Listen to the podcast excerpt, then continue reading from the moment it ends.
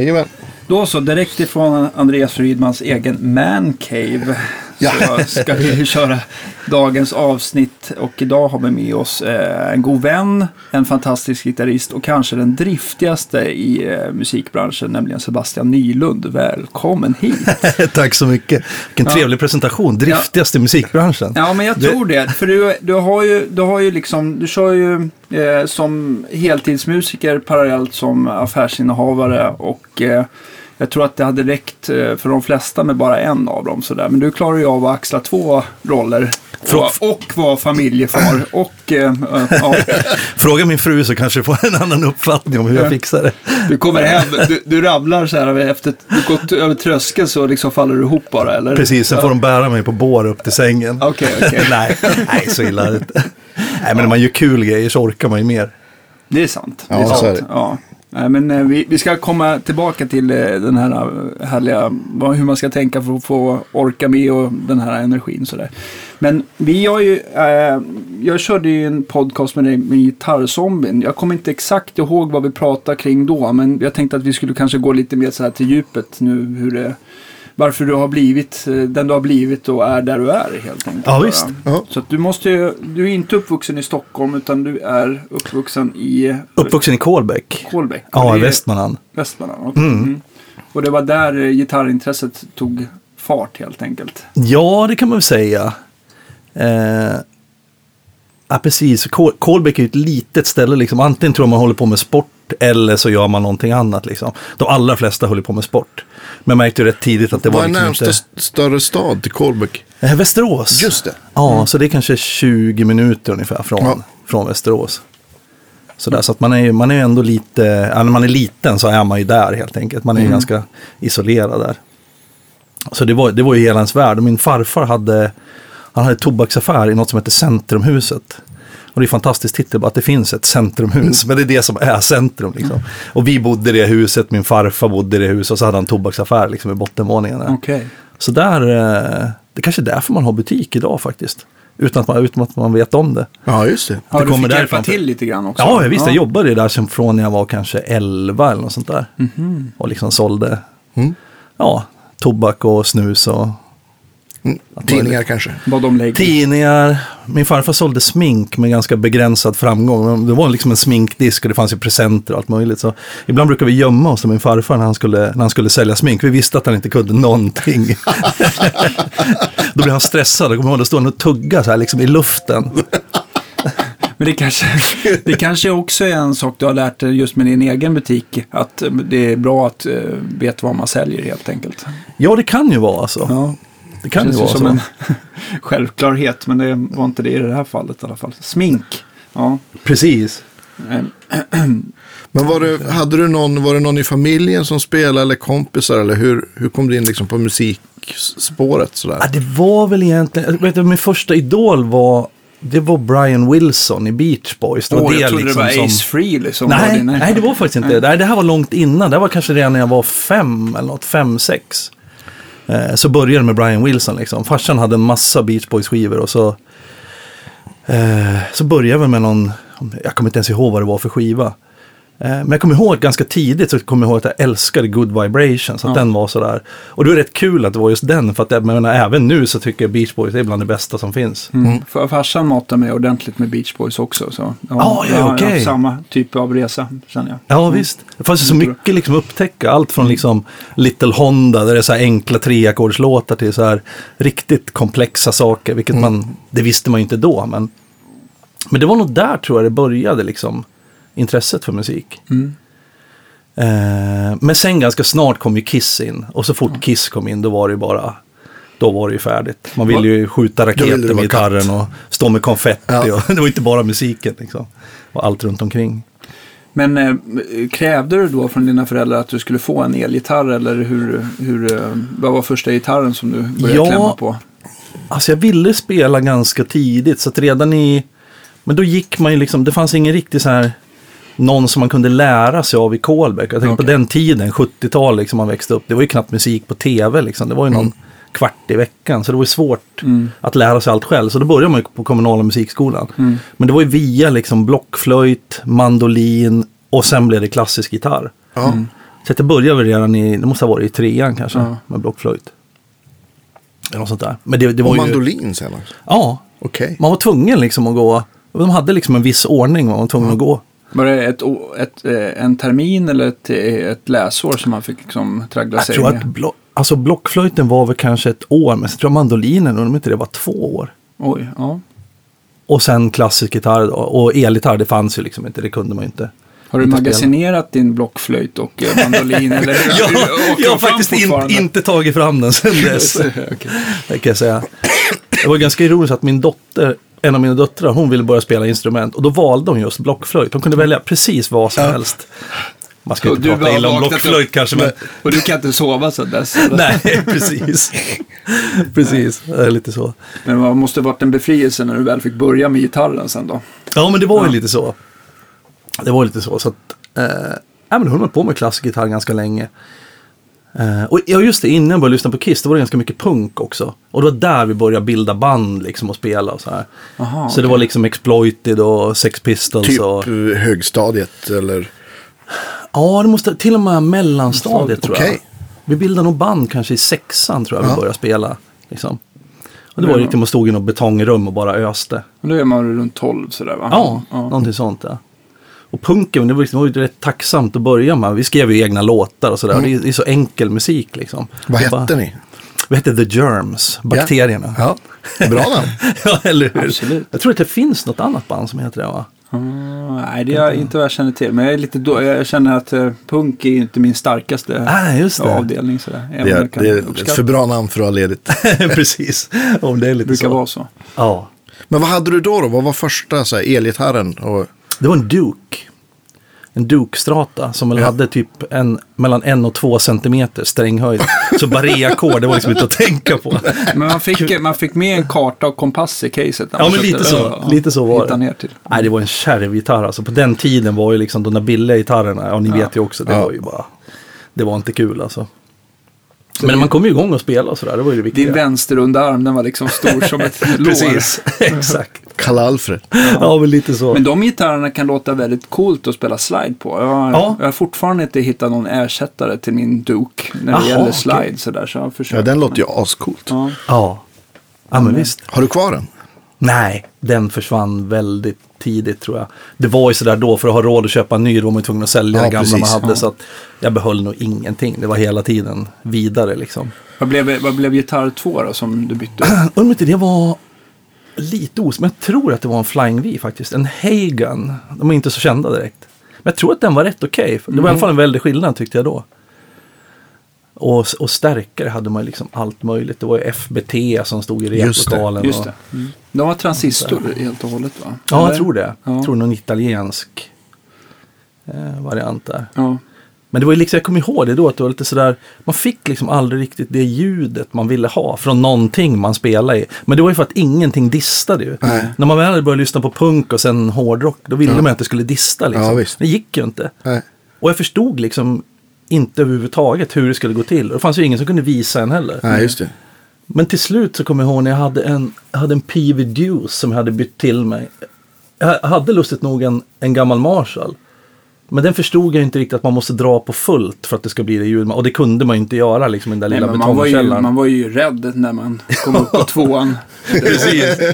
Precis. så? Ja, Att man absolut. Liksom så här, Ja, det var ju bara... Jag bytte bort den där gamla Marshallen då mot en PV Deuce. För att den Ja. hade inbyggd phaser. Det tyckte man var rätt tufft. Ja. Horribel förstärkare. Men eh, då åkte jag till musikaffären i alla fall Västerås. ja, Och så hade jag med ett kassettband på, jag tror att det var Judas Priest jag hade med. När de körde det hackande liksom. Ja. När man dämpar liksom i stallet. Sådär. Men jag förstod ju liksom inte då att, att man dämpade vid stallet. Att det var så man fick det soundet i kombination med dist. Ja, okej. Så att de lyssnade på det där, sålde med en distpedal, jag åker hem och sen är det i alla fall... Jag vill ha tjugg, tjugg. Man ville ha... Det var det man ville ha. Minns du vilken diskpedal det var? Ja, Arion. Ah, men de har, gjort, eh, de har gjort en del trevliga produkter. Ja. Jag kommer inte ihåg. De var ju lite plastiga så här, men jag tror att de, Mm. de lät nog rätt bra.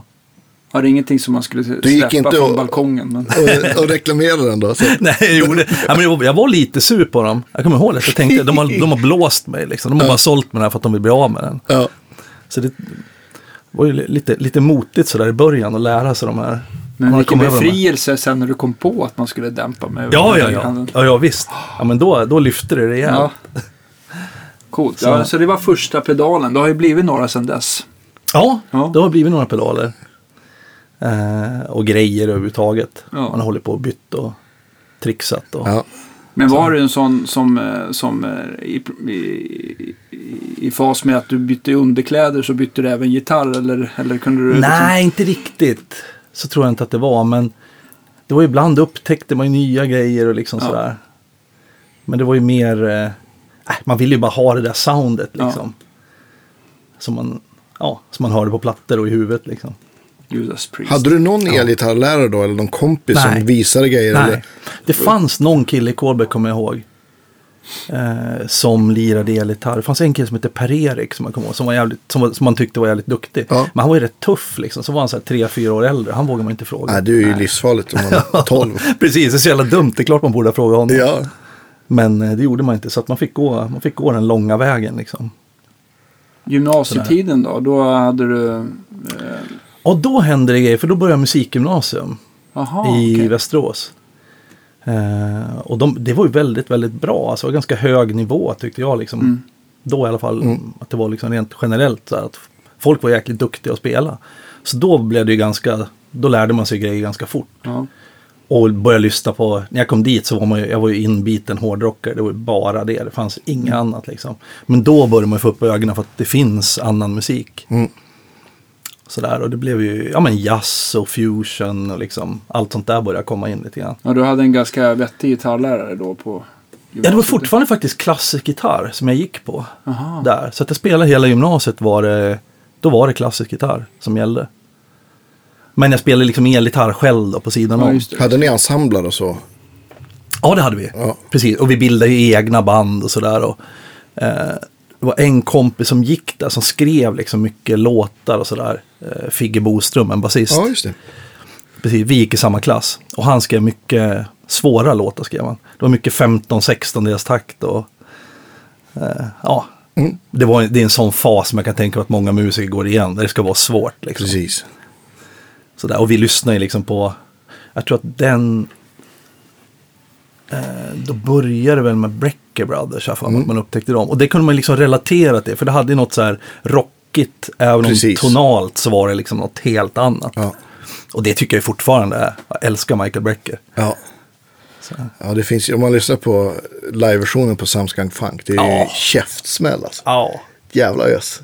makalös Ja. saxofonist alltså. Men var det också där på eh, musikgymnasiet du bestämde dig för att det här, liksom, det här ska bli något levebrödet eller när liksom tog du det beslutet? Ja eller? men, det, ja, men det var nog någonstans där. ja. Kanske till och med strax innan, kanske redan i nian eller så. För jag kommer ihåg att man tittade, man tittade på tv då och kollade lite grann på de här. Eh, man kollade på de som lirar liksom i husband och sådär. Mm. Eh, Lasse Welander var en sån där kille man bara shit, han är det där. Är, Ja, visst. Det där är grejer. Eh, jag kommer ihåg det fanns en kille som hette Håkan Mjörnheim också som man tyckte var duktig. Och det gick det så här stories om att det är roligt med alla sådana här historier som cirkulerar på musikgymnasiet. så där. Då gick det någon story om honom att han var så fruktansvärt bra för att han hade, han hade haft problem med vänsterhanden. Så då bara övade han högerhand under något år liksom. Och det var därför han var så ruskigt tajt. Ja, vad roligt. Har du fått det dementerat sen? det Jag, jag tror aldrig jag träffat honom faktiskt. Nej, okej. Så att, eh, jag har aldrig kunnat. Ni får höra av er till oss om, om ni känner till sanningen. Ja. Ja. Precis, Han kanske, han kanske lyssnar. exakt. Exakt. Coolt. Ja. Men eh, vad, vad hände sen då efter gymnasie... Gymnasiet? Ja, vad hände då? Blev du kvar i nu. Kolbäck? Nej, då, eh, vi ska se nu. Ja, då bodde jag i Västerås där och sen så flyttade jag upp till Piteå och pluggade där. Aha, så det var folkis liksom? Ja, eller musikhögskola var Ja, det. just det. Ja, som man pluggade på. Och då är det där man började spela in liksom mycket och hålla på med det, inspelning. För då hade de en, de hade precis startat en studio, eller en, eh, vad heter det, studioteknikerutbildning. Ja, Okej, just det. Rullbandsbaserat. Ja, det var det. Precis, så då började man spela in väldigt mycket där. Ja, och ni det var ju... försökskaniner ni som gick där. Ja, men lite så. Och det var ju också intressant liksom hur det här att man, Eh, ja, men vissa grejer som man trodde var så lätt, det var inte de grejerna som var så enkla när man väl... Vad var, man, det, vad var det som slog det först? Liksom hur man... Ja, men det var bara så här att sätta ett liksom tight komp, en hel låt, liksom fyra minuter. Att det kunde vara liksom, oavsett stil liksom, så kunde det vara, det var inte riktigt så enkelt som man hade trott. Och på den tiden när, när det var rullband, det var ju inte att man liksom kunde, man kunde inte redigera något eller sådär. Det, Nej, var, ju, det var ju som det var tång, liksom. Ja. Och ganska svårt att puncha in och puncha ur. Och... Ja, det var ju alltid en risk liksom när man gjorde det. För det gick Ja. ju inte att backa då. Nej, det gick inte att trycka kringa Nej. Z direkt. Nej, nej precis. precis. Så det var ju det var ju rätt bra skola faktiskt. Då hade ju de utbildning på dagarna och sen kunde man då, då gjorde vi så att då började vi spela in kanske 7-8 på kvällen när studion var ledig liksom. Ah, okej. För det var utbildning från kanske 8 till 6 eller något Ja. sånt. Eh, och då körde vi mycket de här koffeintabletterna, kommer jag ihåg. För att man skulle orka. Ja. Så vi körde ju ofta till, till det började, liksom, till de satte igång med lektioner, till sju på morgonen, liksom, Åh, åtta på morgonen. Ja. Så ja, det var en jäkligt lärorik tid. Ja, det förstår jag Det finns verkligen. säga. inget som så, är så, så skoningslöst som att, första gången man hör sig själv inspelad. Nej, Det- Nej, men kommer jag, verkligen. ihåg. jag kommer ihåg att jag så här, spelade in mig själv på så här, kassettbandspelare hemma. och Så. Är det så här låter? Låter det så här? Och ja, det, så det, nej, men, det förstår jag att det var jävligt lärorikt. ja, ja men verkligen. Så att, eh, nej men då pluggade jag där uppe i eh, fyra år. Eh, och så, jag ihåg, jag höll på med en rolig grej där också. Att, att eh, jag fick feeling på att man, man sover så mycket. Eh, och då var jag ihop med en tjej vars morfar, han sov nästan ingenting. Han sov liksom fyra timmar per dygn. Ja. Och då fick jag feeling att det kan jag också göra om han fixar det. Han var ju då kanske 70 eller någonting. Men jag tänkte om, om han fixar det, det kan jag också göra. Så hade jag som projekt att jag gick ner i sömn. Det var under, un- under något av de sista åren där. Så jag och min kompis Jimmy, vi körde det tillsammans. Eh, och då, då börjar man liksom trappa ner så här sakteliga. Och sen var jag nere liksom på att man, man gick och la sig vid 12 och så gick man upp i 4. Eh, och så sprang jag då mm, typ en halv mil eller någonting. Och sen övar man liksom kanske 3-4 timmar innan skolan börjar. Och tyckte det var otroligt effektivt. Men man, efter ett tag så märkte man ju de negativa konsekvenserna. det och det var att liksom, det kändes som att det brann i kroppen hela tiden. Kropp, kroppen hinner aldrig återhämta Nej, det sig. hinner inte liksom. återhämta Nej. sig. Och då förstod man liksom, okej, sömn behövs. Och liksom, det går inte in vad folk, när folk talar med en eller någonting. Nej, Bara, nej, man är det- det helt borta bara, liksom. ja. Men det var rätt intressant att verkligen testa det fullt ut. Hur det länge någon- körde ni det då? Jag tror en månad. Det är ganska Ungefär. länge alltså. Ja, en månad med liksom fyra, fem timmar per natt. Det, det, nej, sen gick det inte längre. Det var bara tvärstopp. Så du känner du dig själv väldigt bra när det, när det Ja, men symptomen så här för överansträngning. precis. Man har alltid haft den här känslan att man vill liksom utnyttja allt till max. Jag, Ja. jag tänkte den tanken då att sover man bort livet, liksom, det är ju inte bra. Ja. Man vill vara vaken så mycket som möjligt. Och så känns det fortfarande att man skulle vilja ha 20 timmar per dygn. Det vore perfekt. Ja, jag förstår det verkligen i ditt fall. Men jag tycker du ändå, du gör väl väldigt mycket också. Det är väl, eh, vilka spelar med nu? Nu är du ute med Ledin va? Ja, precis. Nu spelar vi på Cirkus. Vi spelar fast där. Ja, just det. Så vi kör hela hösten. Hela där. hösten. Ja. Och i, I våras var det också Ledin också, men Nej, i våras då var det nog ganska lugnt. Eh, då var det en, just det, då var det en kille som jobbade i butiken som var pappaledig. Aha, så då var det mycket butik. ja, just det. Just det. Sådär. Men innan det, vad gjorde jag då? Jo, då gjorde jag en julturné med Sissel Kyrkjebø, hon är norska. Just det. Mm. Sådär, Det så var mycket i Norge på... då såklart. Ja, Och Precis. Sverige, eller? Eh, ja, det började i Sverige. Det, det var inte en julturné, det var det något som- Det var turnén hette, men det var något annat tema. Eh, så att då körde vi väl, var det en månad ungefär i Sverige. Och sen blev det typ en månad i Norge. Får du också den känslan av att norska artister har liksom svårare att komma över till Sverige och spela än tvärtom? Eller är det bara någonting jag har fått för mig? Nej, men det kan det nog ligga någonting i. Så många... Förutom Marcus och Martinez kanske. Precis. Nej, man har ju inte koll på så många norska artister. Nej. Så är det faktiskt. Ja, men hon är väl, hon och Aha är väl de första man tänker på. Ja. Och sen ja, nu då Marcus och Martinus. Precis. Det finns ju ganska mycket norska jazzmusiker som har varit här mycket och spelat. Ja, liksom, men, men om man tänker liksom poprockvärlden så är det inte, inte alls samma överspill. Nej. Nej, men det stämmer Som jag har säkert. förstått det i alla fall. Danmark var ju liksom en... Där var det ju någon våg, men det är ju ett tag sedan nu. Det var mycket rocksångerskor. Ja, just det. Jag tänker på Hanne och- Boel och Sanne. Ja, precis. och- Sanne, ja. Just det. Ja, det var ju rätt stort, men det är ju länge sedan. Men känner du då när du har de här intensiva eh, som melodin att du hinner fortfarande vara en del i butiken och göra det du måste? Eller Absolut. Och, och även om jag inte är där, det kan ju vara liksom som om, om man har repperioder och repar hela veckor, då hinner man ju inte vara där. Eh, men då sitter jag ju, nu lyssnar jag på någon, jag lyssnar på någon podcast som heter Framgångspodden, som jag tycker var riktigt, riktigt bra. Eh, som, eh, där de intervjuade, vad heter han nu, Petter Stordalen tror jag det var.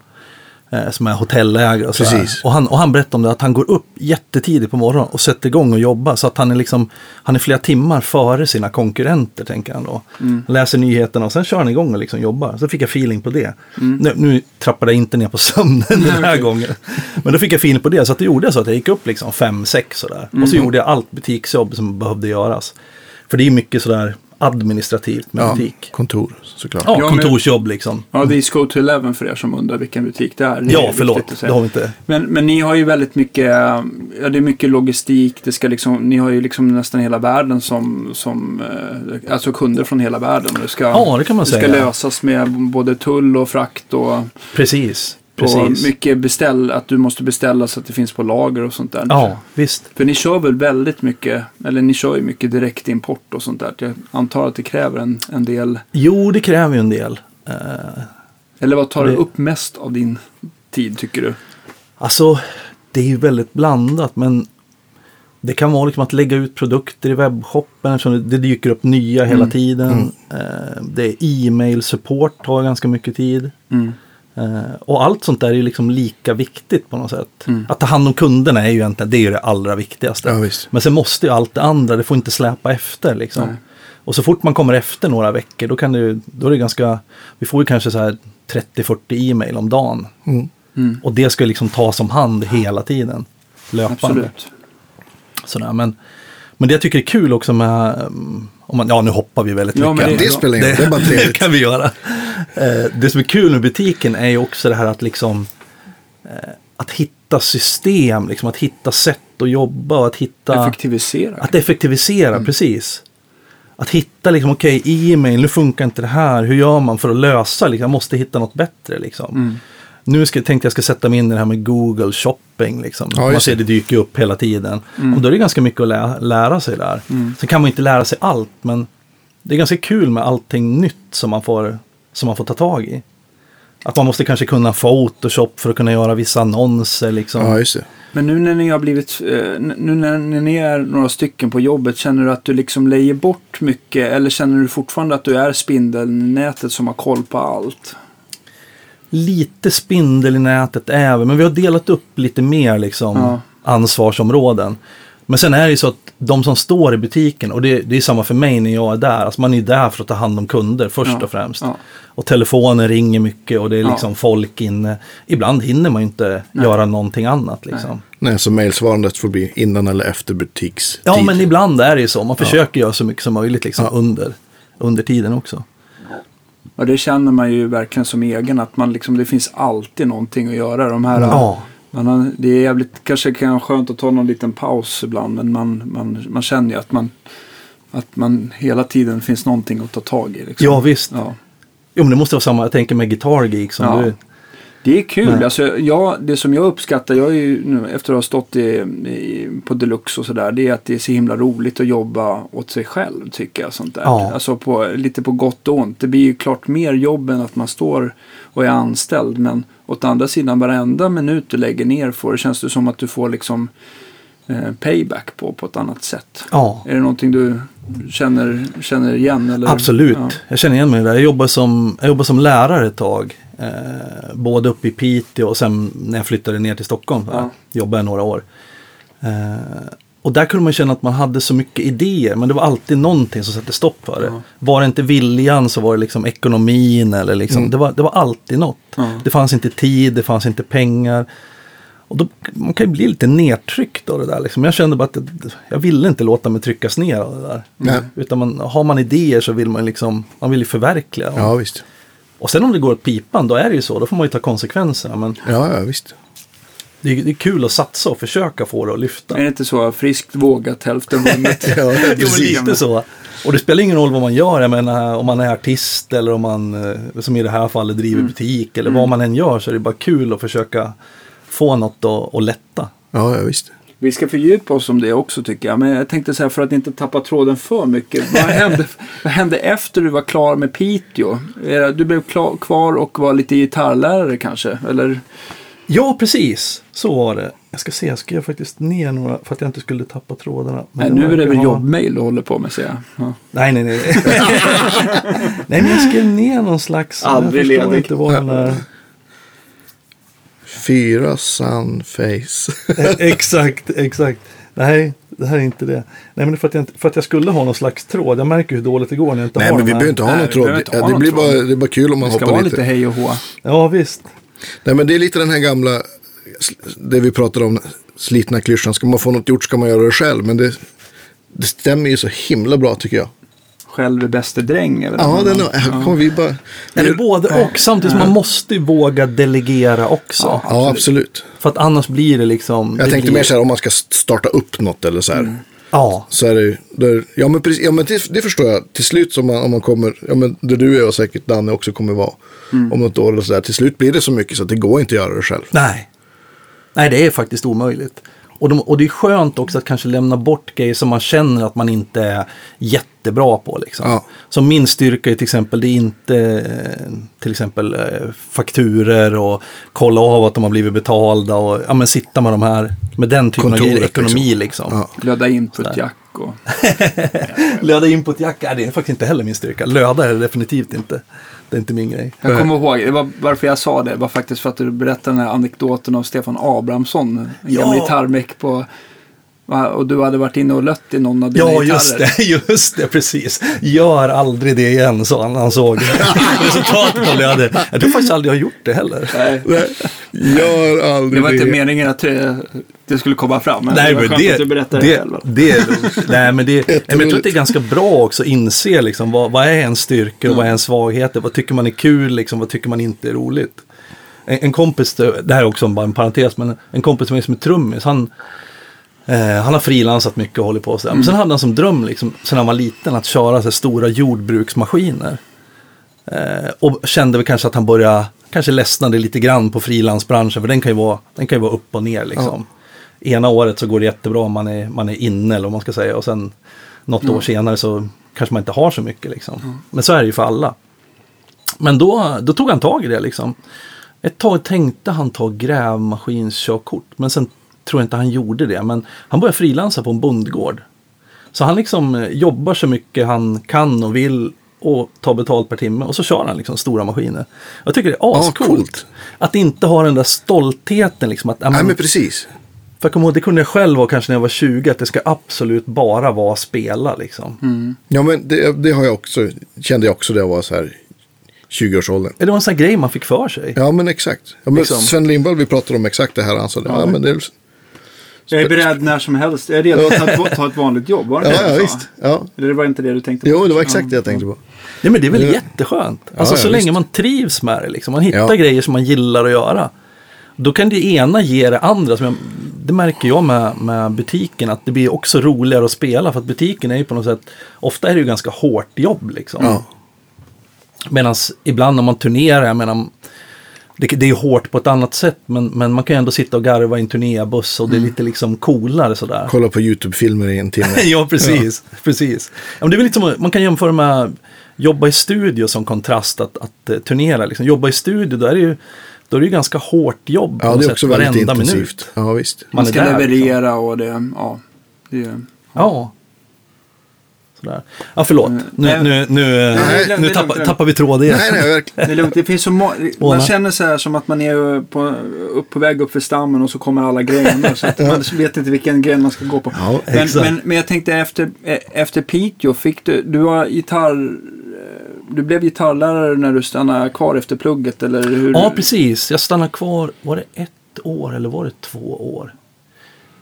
Jag stann, nej, just det, så här var det. Jag stann, precis, jag fick gitarrlärarjobb där som var liksom i princip skräddarsytt för mig. Så jag kunde starta liksom en, ja man ska säga rockgren liksom på musikskolan där. Ja. Och då, det hade de inte haft någon innan, så jag fick starta upp liksom. Och det var ju, det var ju väldigt, väldigt kul.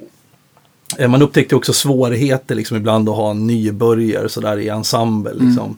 Och så kanske de, ja men du vet, de är så här nio år och har inte spelat instrument tidigare. Nej. Men det var rätt kul, alltså vi skrev egna låtar och de gjorde texter och osannolika texter. det var jättekul. Eh, nej men då var, var jag kvar där och jobbade. Eh, men sen kände jag att jag ville, ja, det var kanske inte det liksom jag hade som, som slutmål. Så då åkte jag och pluggade i USA ett år på GIT. Mm, i Los Angeles. Ja, i Los Angeles. Och det var ju liksom kombination att, att, eh, ja, men att man kunde få lite bra gitarrlärare och lite bra input. Samtidigt som man bara ville spela och sen ett år i Los Angeles var ju också rätt, rätt Helt frestande. Att man kunde hänga liksom. Och, Ja, ja visst. Ja, Gå lite, på lite, lite varmare Ja. än Piteå. Det var lite varmare än Piteå, lite annat klimat. Så här. Men eh, av ren nyfikenhet, vilka gitarrlärare fick du ha på Git? Det var ju lite blandat, alltså Scott Henderson var ju en av dem. Och Han var jäkligt skön tyckte. Han var väldigt ärlig och väldigt rak. En, en helt annan grej Var, än alla han, andra så, man var han träffat. sågande karaktär? Ja, men han kunde ju säga, han kunde bara bryta av. Han var ju stenhård. Han kunde bryta av bara no, no, no, no, no, you can't play like that. och så, men han kunde alltid visa vad han menade, vad han Ja. tyckte var fel också. Ja. Det var inte bara liksom storsång, utan utan att han visste om det tror jag så var han en väldigt bra pedagog. Jag tror inte det var helt medvetet. Nej. Nej.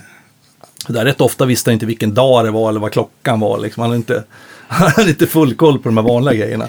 Men är, är det inte så, som nu när du också har varit pedagog själv, att man kan liksom inte eh, man kan liksom inte vara rätt typ av lärare för alla elever om du förstår vad jag menar. Absolut. Och det, så Nej, det är kan jag nästan klokt känna sagt. som säljare också.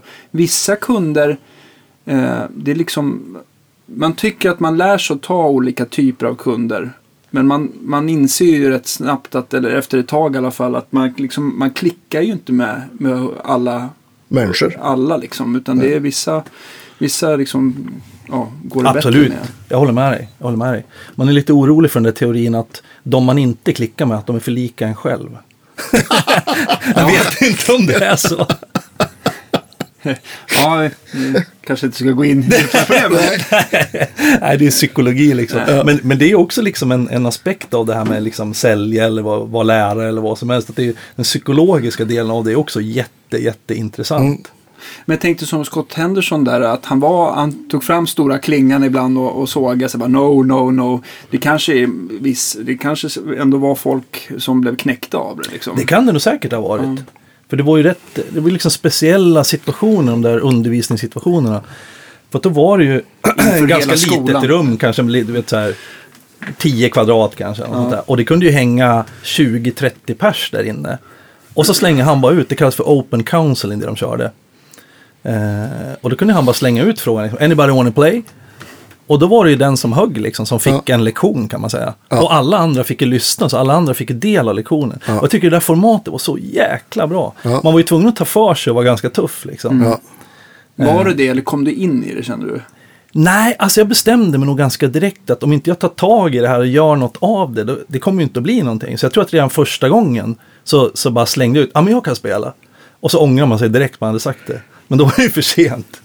Då satt man där och så jag kommer ihåg, jag var så nervös, alltså jag tror inte jag, det var helt svart bara. Ja. Just att det var så många gitarrister som stod Ja. och kollade in när man spelade. Ytterst liksom. speciell situation. Ja, Alltså. jättespeciellt. Ja. Men när man gjort det ett par gånger, sen slutar man ju bry sig lite Mm. grann. Det är lite som scenskräck så här, eller om- som man Ja. kanske alla borde, ja, inte alla borde, men de flesta har i alla fall i början. Ja, en viss form av nervositet är väl bra. Tänker jag. Ja, Att man liksom, Att man blir laddad. ja, Mm. precis. När det kommer till den där formen kanske där, där det liksom förstör och där man inte får ordning på händer Nej och men precis, destruktiv nervositet. Ja. Ja. det, är det inte bra. Jag kommer ihåg när man spelar klassisk gitarr. Det är ett hopplöst instrument när man blir nervös.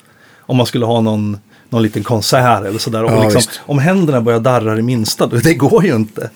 Det är inte bara vrida på med delay och gain. Nej, och sen man så utsatt. Man är ju verkligen, man är en själv. pose. ja, Ja, precis. ja, ja, visst. Ja, det är ju... slå på sin sustainer på Exakt, gitarren. exakt. ja, men en, en sån som Scott, han har ju också sån, han är en sån outtömlig källa av, av information, både liksom harmoniskt och rytmiskt och Ja. liksom. Så jag, jag kan tänka mig att, att, du, att han, ja, det är väl livstiders kunskap. Ja. Han är ju liksom någon typ av Gandalf på det han gör, får man väl säga. Har Liksom. du Ja. också haft Nej, jag har inte haft honom, jag har, har, men jag har lyssnat mycket på honom. Och Ja. så här, i gymnasietiden så plankade jag honom jättemycket. Hade hans videos. Och sen har man ju polare som har berättat. Som har gått, varit i, i USA. Jag tänkte om det var den personen eh, du har känt som har liksom, han har liksom förstått eh, ämnet gitarr mest av alla jag har träffat. Nej, det vet jag inte. Alltså, Han gör ju en grej kan man väl han säga. gör ju en grej och jag kan känna att nu så det, det är inte min grej längre. Alltså, Nej. jag hade en, kanske framför allt när jag gick gymnasiet, att, man, att jag gillade den, den grejen liksom. Ja. Men sen tror jag att jag Tills gick... du, tills du insåg att du bara var bädd på konserter. va? Nej, jag skojar. Men, men gre- grejen är att hans teorier går att använda, även om man liksom inte spelar fusion, så går det att använda på egentligen vilken musik som helst. Det handlar ju mycket om att, att spela som man pratar, att lämna pauser, att lyssna liksom. Ja, att det ska svänga. Ja, Ja. och att man, att man eh, han körde mycket med det här också att man ska eh, härma sig själv liksom. Att man upprepar det, ungefär som man tänker en sångrefräng. En, en eh, låt med sång så vill man ju inte höra nya idéer hela tiden. Nej, precis. Utan man vill ju höra en refrängfras, den vill man att den ska upprepas. Men det finns ju också en, en gräns för hur mycket den får upprepas. Jag tror att de brukar säga tre gånger. Ja, visst. Ja, men precis. Alltså, om, om att man tänker med teman. Teman, ja. Ja. Och det kan man ju använda på vad som helst. Jag menar, ofta till exempel bluesmusiker brukar vara extremt bra på det. Det är ju det de gör. Liksom. Ja, ja, visst. Jag tittar bara Så. på så här som Albert King eller ja, du vet. De använder ju samma, eh, mycket av samma frasering hela tiden men man tycker det är så jävla bra liksom. Och man vill inte att de ska göra något annat heller. Liksom. Nej. Det är kanske är det som är skillnaden tänker jag, mellan gitarrister som vem som helst kan gilla och gitarrister som bara gitarrister gillar. att de här gitarristerna som vem som helst kan gilla, de pratar liksom. Ja. Det är nog väldigt sant. Kan vara så.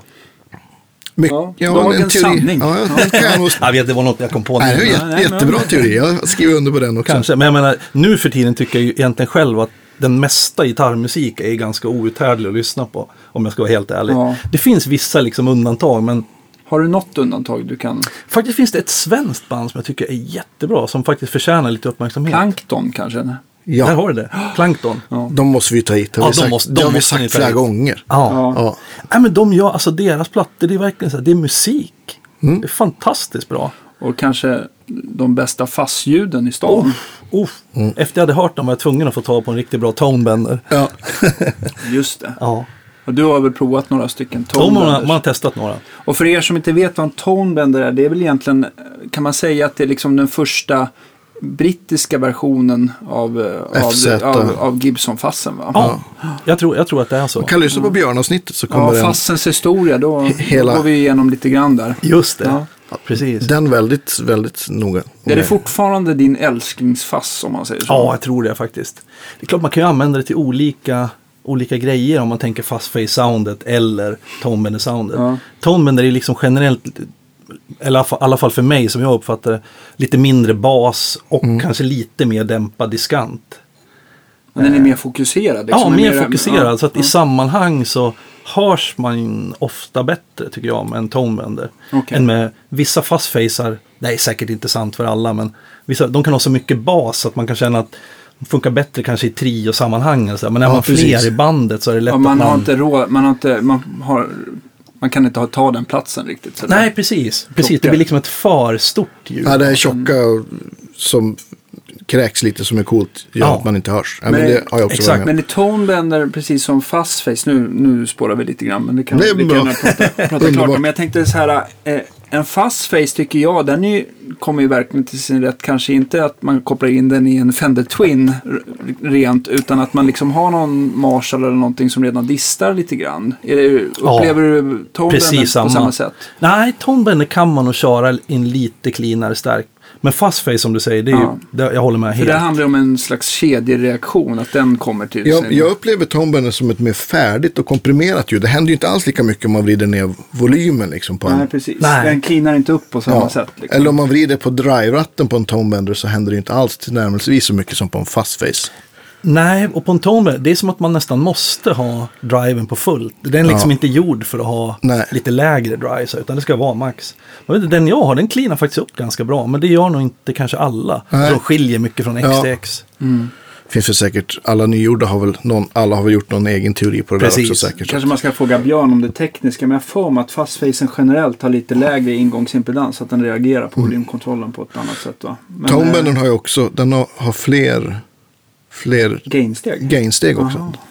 Ja, jag tror att den har två åtminstone, tror jag. Om Ah, jag inte ja, minns fel. Jag ska nog lyssna på Björns program en gång till också. Ja, men jag får- det. gräva måste- ner mig i det Det där. måste ju vara typ så här avsnitt tre eller fyra vi har. Ja, men något sånt där. Vi Fussens historia heter den. 50. Ett! Oh, Två! 52. 52 för tusan blir det ju. Wow. Ja. Ja, så det det blir blir... ursäkt där ute. Vi har ju liksom, vi har ju trott att du har varit på en siffra fast vi har, det har visat sig varit lite skevt. eh, Skev information där. Ja, Så. vi Men- spelar ju ja. inte in allt i ordning heller som Nej, det sänds. precis. så att- Men det här tror jag faktiskt är avsnitt 52. Jaha. Det blir ju... Blir det årsjubileum då? Ja, det Jubileum brukar då? vara 53 veckor på ett år. Ja, Men det, jag har för mig att vi tog, alltså vi första avsnittet vi gjorde var sista helgen i oktober förra året. ja, just det. Och sen dess har vi ju faktiskt haft, nu läste jag idag i alla fall att vi hade haft 133 000 nedladdningar i alla fall. Wow, Det är väl bra va? stort grattis. Ja, tack. det var riktigt bra initiativ måste jag Ja. säga. Ja, men tack. Jätte, Tack, tack. Jättekul att ni gör det här. Ja, ja men Vi ska fortsätta. definitivt. Ja, det måste ni göra. Ska Ja. plåga er med gitarrnörderi tills Ja, kräks. Det här blir lite grann nästan som det finns en mässa i USA som heter NAM-mässan som är Ja. liksom den största musikmässan. Och de gör någonting som heter, jag tror det kallas för oral history. Och där de intervjuar ja, men en massa kända musiker. Ja. Eh, och ibland artister liksom och blandat sådär. Mm. Eh, och ibland blir det ju det de lämnar efter sig liksom. Så det finns ju många som har gått bort liksom. Men deras Mm. Precis. historia, Historia finns, finns kvar. kvar. Liksom. Men det är inte alla som skriver en bok om sitt liv. Liksom. Nej, verkligen inte. det och jag tänker det här kan ju bli lite, eh, kanske samma sak. Att, Dokumentation för Ja. framtiden. ja, Ja, jag tror det. Ja, men det är, är faktiskt flera som har sagt det. Det, det är inget som jag överhuvudtaget tänkte på då vi startade. Men lite så blir det ju. ja. Absolut. Mm. Det är coolt. Jag måste bara, eh, det finns hur många, jag känner att jag har hur många fastfrågor som helst. ja, nu har vi pratat lite Tom Bender och Fastface. Eh, vilka, sen har vi Big Muff-ådran kanske. Just det. Va, vad kan man säga om den? Alltså jag har alltid upplevt Big Muff lite grann för de som gillar att spela liksom tunga riff. Och Så liksom, här stoner. Ja, lite så. Sabbat. Så jag har alltid för min egen del känt att den kanske är, jag brukar sakna lite dynamik i dem. Är de, är de, om man, av alla fassar kan man säga att den lägger sig mer, alltså om man nu kan prata om gränsland mellan olika andra typer av överstyrningar, att den är mera åt dist, att den är ner, mer och tummar inne på disthållet eller är det fortfarande, Jag har nog alltid tänkt den ändå som att den är en riktig fass. Liksom. ja, Men att den liksom har en helt annan känsla att spela på än Tonebender och Fuzzface. ja. men just att ibland att man kan säga att det är en ganska Ibland kan man ju tycka att man har en overdrive som är ganska fassig till Ja, exempel. Eller en dist som är ganska, ja jag vet inte. Men, men eh, att den har lite fassig underton. Och man kan säga lite det om eh, eh, Big Muffen. Men Big Muffen har ju också en liten annorlunda tonkontroll. Den blir ju så här att den tunnar ur och drar på diskant åt ena Ja. hållet och så blir den jättetjock och dov åt andra hållet. Ja. Mm. Sådär, som en liksom, liten balanspunt på något sätt. Jag vet inte, man har, nu när man har lite mer erfarenhet av det så har jag alltid känt att den där typen av tonkontroller känns lite mer som att eh, om man ska sälja till någon som inte har spelat så mycket så är det lätt att visa att oj, kolla Det vad det händer händer mycket. grejer. Ja. Här händer det jättemycket. Medan egentligen så kanske det blir väldigt svårt då att hitta rätt liksom, läge på en sån där putt där det händer jättemycket. Så själv så brukar jag föredra där det inte händer så mycket. Ja, men om man tänker som en gammal Marshall. Det händer ju inte jättemycket när man Nej. vrider på. Medan om du har någon kanske, ett tag var det populärt med sådana här, jag vet att vissa PIV-förstärkare, det är bara Ja, när man vred på Ja. tonkontrollerna. Ja. Det är helt omöjligt att hitta ett bra ljud. Det blir jäkligt svårrattat. Ja, visst. det är svårt alltså. Ja. Så därför brukar jag alltid gilla där det behöver inte hända så himla Nej, mycket. att det ganska händer rätt grejer. Jag tror att det liksom. var faktiskt Björn som var den första som eh, fick mig att inse att man vill ha en tonkontroll som rör sig inom ett sp- användbart spann. Precis. Ja. För att det är många stärkare, så här butiksstärkare. Du, liksom, du kan ha liksom, till exempel diskantkontrollen kan vi prata om. Det känns som att den, det användbara spannet är så här klockan 10 till klockan 2. Mm. Men allt innan det blir så här på tok för dovt. Eller så blir det så vasst och jobbigt så att det går liksom inte att använda. Nej, så han har försökt att liksom använda, nu vet jag inte, det, ska vi inte gå in på det tekniska, men ha det spannet så att den liksom är hela, den är användbar för ytterlägena till liksom hela, Mm. Ja, och det gör att det blir mer lättrattat tycker jag. absolut. Absolut. Jag håller med dig helt. Ja, men precis. Och många, många stärkare, det här är en helt annan diskussion, men det är också så att, att tonkontrollerna påverkar varandra. Så vrider man på, Mm. vrider man av eh, midden så får man mer bas. Eller vrider man upp Ja. diskanten så följer det med en del av midden. Ja, beroende på var midden är liksom. Ja. sa- satt. Liksom. Ja. Så att det... Ja, De får till lite hävstångseffekt mot varandra sådär. Ja. men jag, jag har aldrig kunnat ratta mesastärkare. Jag tror att jag är för dum för det. Jag tycker bara, Grejen med dem, som jag har lärt mig, vi hade någon begagnad, jag tror det var en Mark 2 i, i butiken. Mm. Man måste nästan slå upp på nätet hur man ska ratta dem. Ja. För jag tyckte den där var helt obegriplig. Sen slog jag upp, ja men så här ska du ställa in den. Det var någon sån här som hade haft flera av dem där. Eh, och då plötsligt var det som att, ja men så här, Jaha. nu låter Ja, den ju. ja, vad kul. Men de är inte så där, ställ allting på fem och så låter det bra. nej. Men är det inte så lite grann så här som eh, eh, Blackface-stärken, den här Super Six-kombinationen som man ofta ska börja på. Är det Supern eller Twinnen? Nu kommer jag inte ihåg. Men det är väl de här. Ja, det är, kanske är supern va? Ja, ja strunt samma. Ja. Det, men, men att det finns några sådana här bra. Björns stärkare har ju varit ganska lätta. Man ställer allt på klockan 12. Ja. Så blir det ganska... Ja. Och så är ju gamla Marshalls liksom, Ja. jag menar det är ju många stärkare som Ja. är, det är ganska skönt Ja. när man kan ha det som utgångspunkt. Mm. På något Verkligen. sätt. Eh, fassar. Vad har vi mer för... Eh, vi har Tom Bender, Fastface, Big Muff. Har vi någon annan liksom ådra sådär som vi har glömt att... Oktavfuss såklart har vi. Ja, just det. ja, det. precis. Det blir som en helt annan. Ja, det är en helt annan. Det kanske, Ja. ja. det är en helt annan grej. För sig. På något sätt. Men jag brukar nog tänka de tre liksom, som Ja. någon slags grund. Ja. Och resten är liksom nästan lite så här få... Ja, och, Ja, sen finns det liksom specialer med de här självoscillerande och det finns gatade och liksom som Ja. mer... vad, är, kanske- vad är en gatad fass för folk som kanske inte har provat? En gatad fast, då har man i princip ingen sustain. Utan den liksom, den dödar sustainen kan kapar man säga. liksom. Ja, den kapar av. Vilket är rätt kul för att då kan man ju spela rätt korta toner liksom och jobba med det istället. Man får spela på... perkussivt liksom. Ja. ja. Låter Ja. nästan som en mog eller något. Ja, en oktavfuss kan ju faktiskt också vara lite så. Ja. Det finns ju de som inte har så mycket gain liksom i sig. Då blir de ju ganska, tonen dör ju rätt fort liksom. Det är inte så mycket häng så liksom. Nej. Det huggs av liksom. Ja, och det kan vara kul för att det tvingar en liksom att spela på, på nya sätt. Typiska gatade fassar i butiken som du tycker folk bör kolla in om man är ute efter det. Eh, ja, det finns ju fast... V-Skate to Eleven finns Ja, det. precis. Precis, jag vet inte om vi har några kvar, men vi kanske har någon kvar. Barefoot. Ja, vi, ja precis. Vi gjorde en, en serie på 50 stycken med Barefoot där. Mm. Eh, som är egentligen då en Björn Juhl designad historia. Är... Ja, det är en spin-off på Candy Apple. Ja, det kan man, Kan man säga. Precis, Okej. exakt. Och den, den är ju kraftigt gatad. Candy Apple, ja precis. Ja, exakt. Den Så sitter de väl finns på er bägge era bord va? Jag har sett den på ditt stora i alla fall Ja, Andreas. absolut. Har du kvar din? Jo, den har jag. Jag har nog kvar faktiskt alla, definitivt alla BF-pedaler som jag har Ja. handlat genom åren.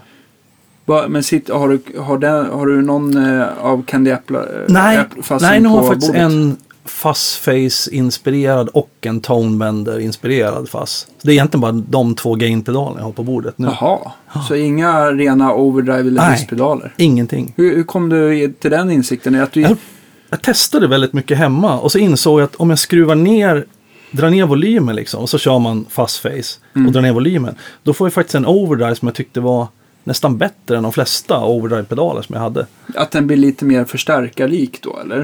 Ja, att den liksom låter lite råare för du har ju lite av Lite fussen mera kvar. hår som gör Ja, exakt. Precis. Lite mer hår. Ja.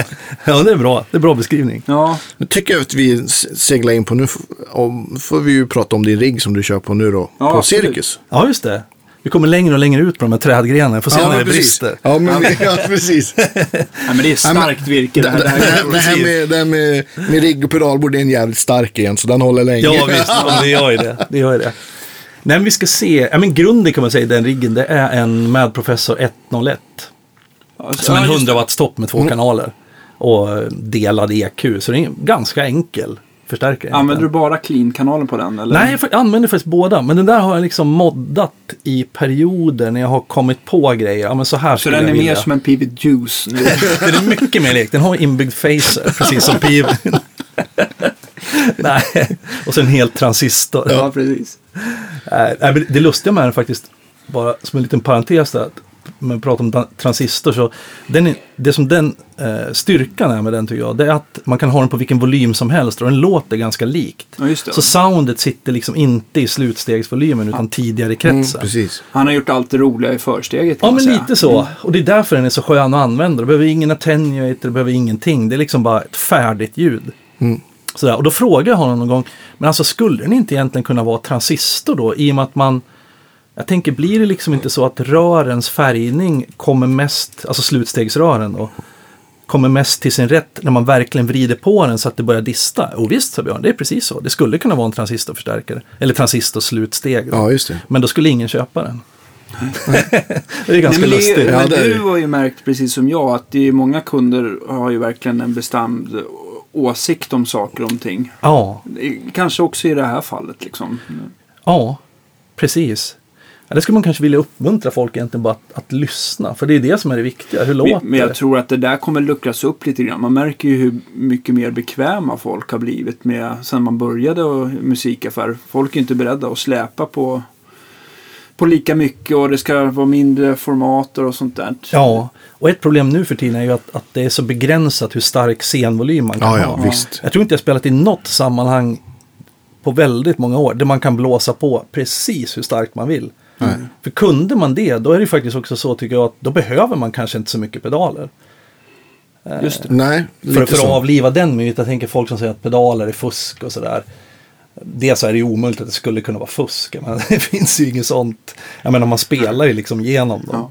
Det måste man ju tillföra. Och sen så även om man ser de här jättepedalborden så är det väl det är ju sällan du har mer än kanske två, max tre effekter igång samtidigt. Ja, ja, absolut. Ja. Ja. Och ibland kan det vara just för det där att kunna rädda, att man inte kan dra på liksom. Exakt. Jag menar, har man en, en Fender Superverb och så spelar man den på tvåan, då kan det vara världens tråkigaste förstärkare. Men om man spelar den på sexan så är den jättekul. Ja, ja, visst. För du får inget häng, du får ingen kompression och då kommer man till att man kanske vill man kanske vill ha någon jättediskret kompressor för att få den där kompressionen som man får när man vrider på den. Mm. Ja, ja, man kanske vill ha en booster för att kunna knuffa in den i lite, liksom, att det blir lite crunchigt. Ja. Jag kan känna så ibland när man kommer till olika backline och så står det en sån här Twin Reissue till exempel. Ja, herregud. Det, den gör ju det inte. Det, det, då, då får man ju köpa den här Talent Boostern. ja, då är det svårt alltså. Nej, den, är, den är inte så här tillmötesgående på det sättet i alla Nej. fall. För att man får ju oftast inte vrida, vrida upp den där. Men eh, nej, jag förstår precis vad du menar. Ja, precis. Men som sagt med 101 där, då kan man verkligen bara ha vilken volym man vill. Och det är otroligt skönt. Ja. Eh, Så det är väl liksom själva grunden. Sen hade jag som jag nämnde då ett par fusspedaler.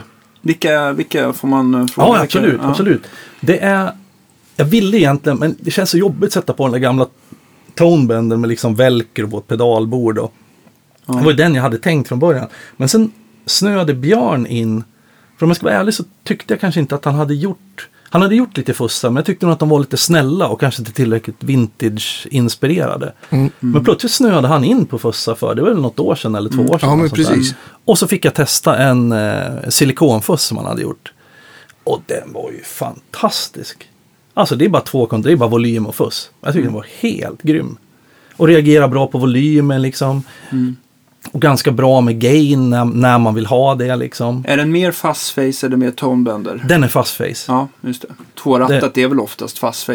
Ja. Alltså man har inga fil- filter eller någonting nej, sånt där. nej, precis. Men och den låter väldigt Den vintage. heter, vad heter den? Något BC 109. 109, ja precis. Så den är ju precis sådär brötig liksom och Är det- brutal. Är det att det är efter den transist- silikontransistoren som heter BC109? Precis. Eller? Ja. Och eh, jag tänkte på silikon, germanium, vad finns det mer som man kan prata i fastface-land sådär? Eller är det de två? Alltså jag är ibland lite dålig på teorier för jag brukar, jag brukar tänka mycket mer ljud än vad jag tänker så här, vad det är för grejer. Men Ja, jag, tror att, precis. jag tror att det bara finns de, vad jag vet i alla fall. Ja, men ju. vi, jag tror att det på. finns lite spin-offs på eh, J-fett De- och diod och massa saker så här som man kan eh, använda. De, eh, Captain Coconut bakom där, de, de har ju eh, original så kommer de med en, en kombination. Det är både Ja, just det. Det finns silikon hybrid. och hybrid, precis. Ja, just det är rätt coolt. Ja, vad, så. vad upplever du? Har du någon så här fördel med just sil- hur silikonen svarar mot germanium? Eller? Alltså de har ju, generellt så tycker jag de brukar ha lite mer gain. Ja, just det. Eh, Så att det är mycket, man kan ju få rätt mycket mer gain. Ibland germanium kan ju vara ganska liksom low gain. Mm. Eh, och då behöver man ju oftast att stärken verkligen ska koka ordentligt liksom, innan man trycker på fussen. Mm. Eh, så att egentligen, alltså jag kan spela på, det spelar ingen roll. Egentligen vilken. Eh, men just i det här fallet så tyckte jag bara att den, den hade lagom med jag kan säga att Björn är duktig tycker jag på att förstå hur ljud funkar i sammanhang. Ibland kanske inte hans grejer låter allra bäst när man sitter själv. För då kan man tycka att men det är för lite bas, det är för lite diskant. Liksom. Men han har ju tänkt hur ljudet funkar i ett bandsammanhang. Ja, jag tror det var han som lärde mig någon gång att liksom, det som händer ofta i band är att basen, elbasen äter upp basen från gitarrförstärkaren. Så där har man inte så mycket att hämta när man är nere i det registret. Och cymbalerna tar diskanten. Liksom. Så där är det ju där i mitten man har liksom, mellan elbasen och cymbalerna någonstans. Eh, och där tyckte jag att många fussar jag har haft, germaniumfussar och silikonfussar, de har haft så mycket botten. Så att det blir liksom, det har vi pratat om tidigare, att man försvinner. Men det var där jag gillade den här. Jag tyckte att den har helt rätt register och den har den där vintage-tonen. Att det blir lite, om man trycker på mycket för så blir det här som att det kräks och nästan försvinner. Här, Ja. Att den inte riktigt orkar. Men är det första pedalen i, i, i kedjan då så att säga? Ja, det är det nog va? Jag måste tänka efter. Nej, jag har en kompressor före. Jag har en sån här eh, Boss ES5 som jag switchar med liksom. Ja, just, det. det. Eh, Men då har jag kompressor ligger innan, men den är ju true bypass. Och så, för att man får inte ha någon buffer innan. Ja, just det. Ni har ju säkert pratat om buffrar i programmet. Ja, ja, Ja. Jag har både haft Göran och jag pratat Ja. lite. Ja. Ja. Behöver inte gå in på det, men, Ja. nej, men den fussarna vill ju se liksom gitarrnivån. Så då kan, då kan man Precis. ställa in program i ES5 där buffern är avstängd. ja, just det. Så det, som, det. det. som händer om man har en buffer innan eh, en, en, eh, en fass är väl oftast att, att den blir lite mer åt distpedalhållet. Att den inte eh, låter så lika fassigt. Den låter ju som, eh, inte helt olik men att också att diskanten brukar springa iväg. Va? Precis, exakt. Jag, jag har testat och lyssnat här på båda de där. Eh, både den BC109 och sen har jag en som Björn också har gjort som är Tonebender-inspirerad. Som är precis samma grej, att den låter väldigt vintage. Väldigt lik den här gamla Vox Tonebender som jag har. Okej. Men är det de två, det är inte, du använder antingen eller för de är Ja. inte så schyssta att köra in i varandra? Nej, va? nej, det funkar inte. Båda har ju liksom tillräckligt med gain också. Ja. Eh, så nej, det brukar inte behövas. Hur, hur rent kör du stärken eller hur? Jag kör den liksom så att den bara distar lite när man tar i. Liksom, Ja, så. just det. Eh, för då har jag de två, sen har jag en... eh, jag har en moddad memory toy också på bordet. En uh, Electromonics Just det, just det. delay. Som ligger före liksom stärken. Ja, ligger före, precis. Och den har jag mest för att kunna göra liksom såna här analoga självoscillationer Ja, och när man vill stöka till det liksom Ja. rejält.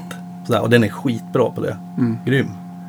Eh, och sen sist har jag en, eh, en booster. Mm. Vad heter den? Den heter... eh, Baby Pink kanske? Nej. Nej, det är Jackson Audio.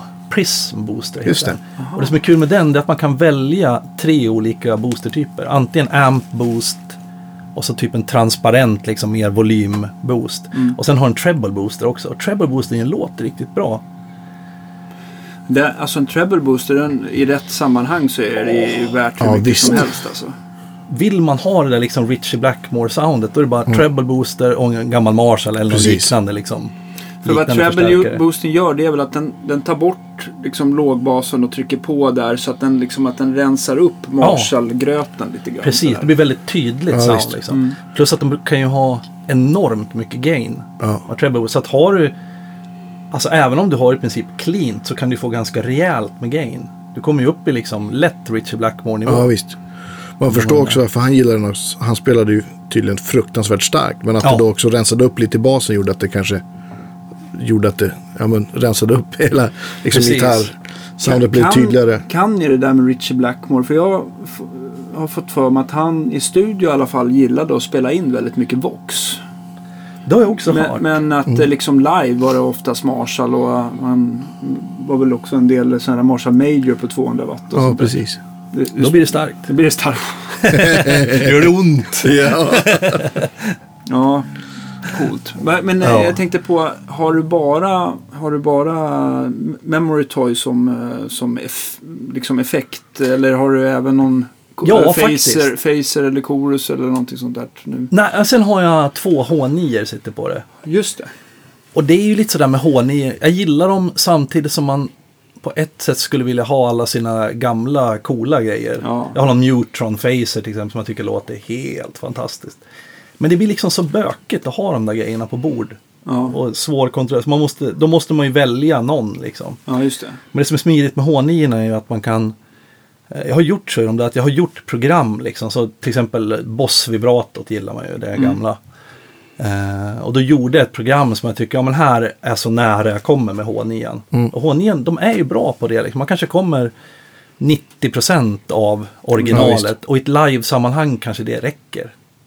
Precis, det tycker jag jag. också. Det jag märker på, nu kanske jag har haft lite otur med det, men jag tycker att ofta sådana här där eh, pedaler som är liksom eh, lite digitala, att jag tycker att det är svårare att mixa in dem så att man trivs i, på scenmiljö. Jag tycker att oftast blir den här eh, att fan jag hör inte, jag hör inte, jag hör och nu är det för mycket. Att det är Ja, liksom just lite det. svårt att, att få in nivån där. Jag tycker att ett, eh, ett vanligt eh, delay-pedal eller reverb-pedal har varit lite lättare att liksom ta lagom mängd på. Ja. Ja. ja. Ibland kan det vara svårt att komma åt exakt det där man, man vill ha. Liksom. Om man lyssnar på ett gammalt tejpek och sen sitter man med H9 bredvid. Ja, men då, kan, då kanske man kan höra att okej, när det klingar av så blir det mindre och mindre bas. Men hur ska jag göra det med den? Liksom? Det, det kanske inte går att komma åt ibland de här små grejerna som gör att det blir det där lilla extra. Mm. Men eh, man får göra någon kompromiss där. Annars får man ett väldigt, väldigt stort pedalbord. Om man Ja, allt man jag tänkte, ja, Ja. precis. Jag kan tänka mig att det blir, det blir för otympligt för att bära själv. kanske. Ja, så ibland, man vet ju inte alltid innan vilka ljud man kommer att vilja ha eller. Mm. För som, eh, ja, men som nu då när vi spelar med, med Ledin här på, på Cirkus. Det var ju liksom, när vi började repa så var det en väldig massa låtar. Men sen efterhand så stryks det och sen i slutändan så, ja men det kanske är så att man hade kunnat vara utan de där h också. Egentligen använder de kanske på, ja men ett par låtar där de verkligen Okej. kommer till sin rätt liksom. Mm. Men man vet ju inte innan liksom vad det ska, vad det ska ta vägen. Soundmässigt, det kanske är låtar de hade kunnat spacea ut ordentligt liksom. Mm. Men 101 där, förstärkaren, vad kopplar du in den? Är det en, är det en mindre låda eller kör du 412 till den? Jag brukar alltid köra 412 men nu den här gången så börjar jag, jag börjar experimentera. Det var egentligen hemma för att jag skulle spela in som jag började experimentera med de här. Det finns ett franskt företag som heter Two Notes. Ja, det. Ja. Som gör... eh, Det är liksom, Högtalarimpulser? ja, precis. Mm. precis.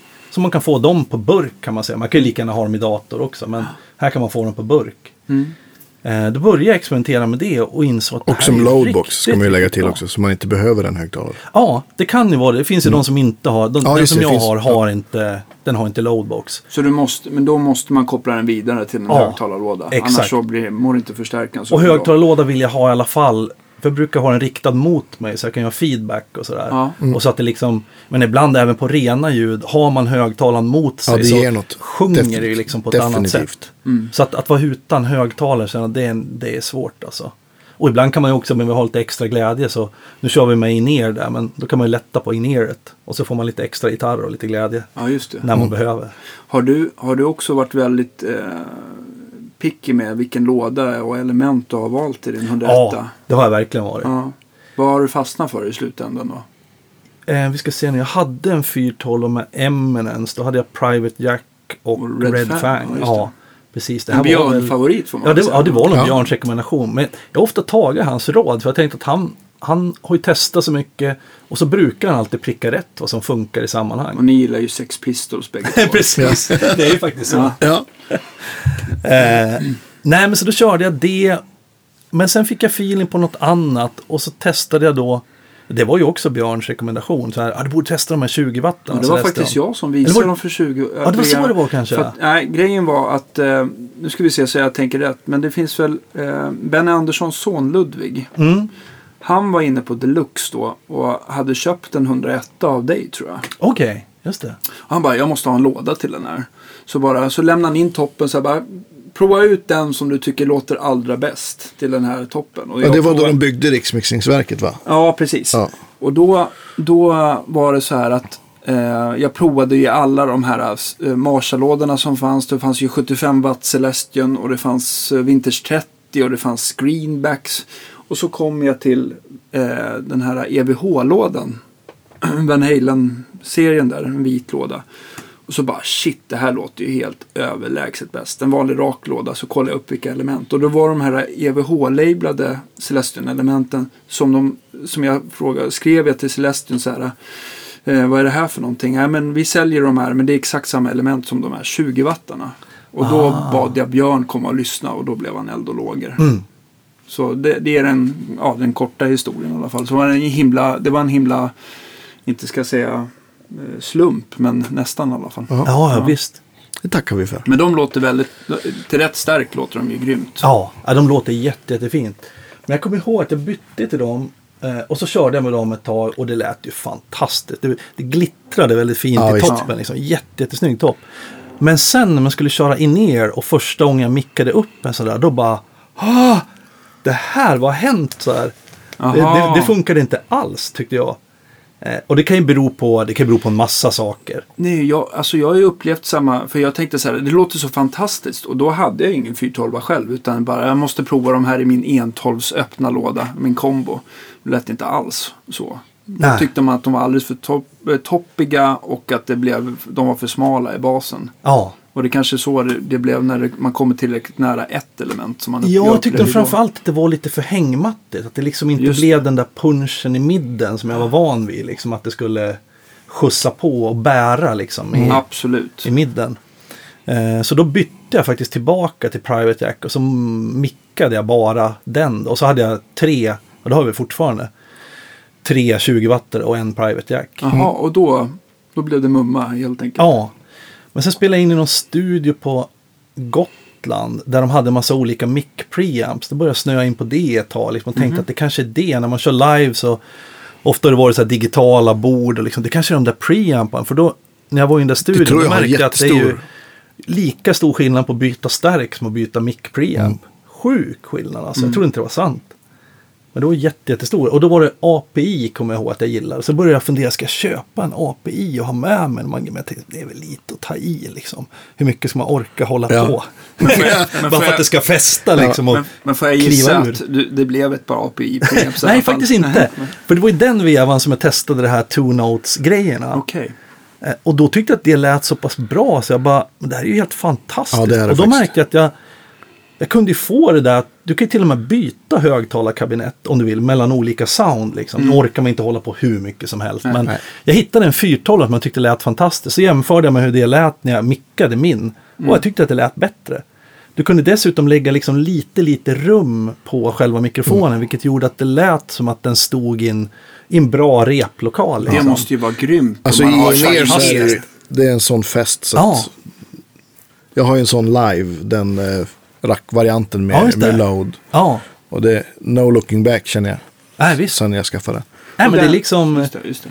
Man kan ju tycka själv om det är digitalt och en viss latency är det, men den är så låg så att det är inget man känner tycker jag.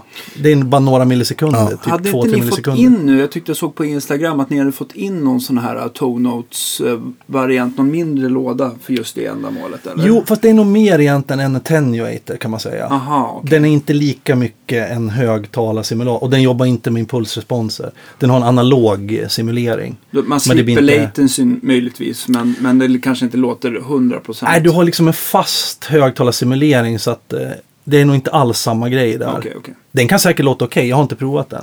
Men jag tycker fördelen med den här, eh, den här större varianten, eller det finns ju olika nivåer på de där, Ja. de har väl tre olika. Men fördelen är att du kan välja kabinett liksom. Mm. Du kan till och med spela in ditt eget kabinett, göra en impulsrespons av det. Och det blir sjukt likt Ja. Och, och faktum är att deras, deras eh, software, eh, tappar jag ju vad det heter också. Torpedo, Cab driver kanske. Cab Det- Drive kanske, ja vad den heter. Ja, förlåt. Men den är ju gratis på deras hemsida så man kan ju faktiskt ladda hem den till sin DAV, vad man nu kör, Logic, Pro Tools, Just Cubase. Och, och, då, och man får även med några impulsresponser som man kan testa själv. Ja. Sen säljer de en massa, sen finns det ju, ja, impulsresponser finns ju jättemycket bra i dagsläget. Så att Wall of Sound heter den. Ja, ja, ja. Wall of Sound det. 3 heter den, nu kommer jag ihåg. Så det är, det är också så här, dagens tips. Ladda hem den om ni vill, är nyfikna på att testa olika IR. Man kan väl säga att de här, ja men den, vad heter den, ja men den som du har den här burken. Som, Den heter Cab. Cab, ja precis. De här, de, de har ju det där inbyggt och så kan man editera det med en dator liksom. Ja. Så det som, Eller går det lätt att klicka på, det, på framsidan eh, mellan olika kabinett också? Eller? Det går ju ganska lätt, man bara byter program liksom. Okej. Men vill man editera lite grann så är det rätt skönt att bara koppla lite, in. ja. Ja. då, då kan man liksom flytta ungefär på samma sätt man kan göra i Logics f- enkla förstärkare. Så kan Just man flytta fly, flytta mickar Ja. framåt och bakåt och precis. närmare och längre ifrån. Och, Jag vet inte hur du hamnade med det där, men jag testade lite grann och jag märkte att man vill, jag ville alltid ha den liksom rakt på konen. Absolut, och man fick nära. mest närhet Jajamän, liksom, i, det tycker i jag också. soundet så Ja. det kliver ut Och ordentligt. framförallt kan jag tänka mig just när man har provat själv att micka upp en högtalarlåda med flera element. Att då börjar det här fasvridningarna komma. Liksom. Det kan det också Att de bli. påverkar varandra på ett dåligt sätt som man inte tänker på när man står Där framför finns det högtalaren. utmaningar. Så jag kan berätta en liten kort historia som, Absolut. som Ja. ytterligare är ännu längre ut på en sån här gren på det här trädet vi pratade Ja, om. men vi är, det är fortfarande ganska kraftiga grenar ja, känner jag. ja, ja, med. Kanske är det. Nej, men vi var spelade in, eh, jag började skriva låtar och hålla på. Det, var, det här var ju mycket senare då, så Mm. tidsmässigt så stämmer det inte alls med den här historien. Ja, det spelar ingen roll. eh, började skriva låtar och jobba med Anders Bagge och Arntor eh, Birgersson heter han. Mm. Eh, och då var vi till San Francisco och jobbade med Carlos Santana. Eh, och det här var egentligen då Vilken apropå- CV. Ja, det är en bra Ja. CV alltså. Ja. Eh, Men eh, apropå det här micka upp, då kommer jag ihåg när man såg hans stärkare stå i studion. Då körde han... Vänta nu, vad körde han? Det var in... Jo, men det var en Dumble. Just han hade en Dumble och sen hade han en sån här Bruno också. Ja, just det. jag in ja. Tony Bruno. Ja. Jag trodde han alltid var så här Mesa-trogen. Men jag har ju jättedålig koll på Santana när jag tänker efter. Ja, det här var ju... Han, han körde ju nog Mesa jämt tidigare, men i studion kanske han liksom experimenterade lite. Men då hade han... Om det var en eller två högtalarlådor, men jag kommer ihåg speciellt en högtalarlåda där det var åtta mickar på samma högtalarlåda. Och helt out. Jag hade aldrig sett något liknande. Så började jag snacka med teknikern. Då visade det sig att han, så dåligt minne för namn, men han hade jobbat med Steve Ray Vaughan som inspelningstekniker. De skivorna. Och likadant så var det René Martinez, han som var gitarrtech åt Steve Ray. Han var med i studion också. Ja. Sådär. Som nu med jobb åt John Mayer, parentes. Ja, just Ja. det. Just det. Precis. Men då kommer jag ihåg att vi pratade just om det här med fasfel och sådär. Han sa att det tar ju liksom tar ju bra många timmar när du ska ha så många mickar på ett enda kabinett.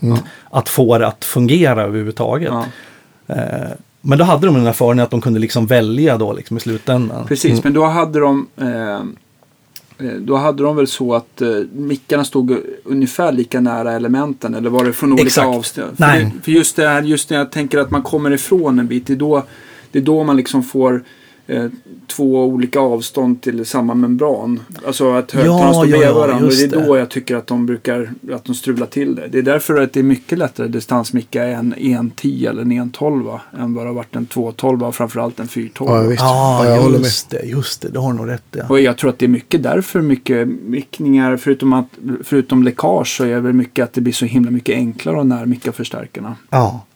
För teknikerna, att det har Ja, hamnat visst. där det har hamnat.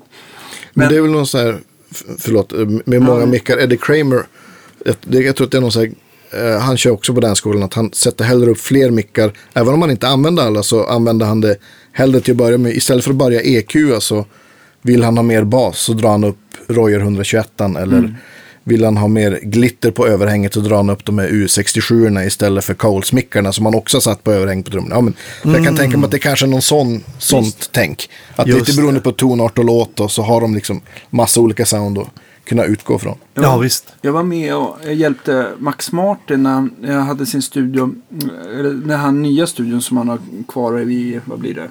Eh, Ja, det är väl uppe vid Norrtull där.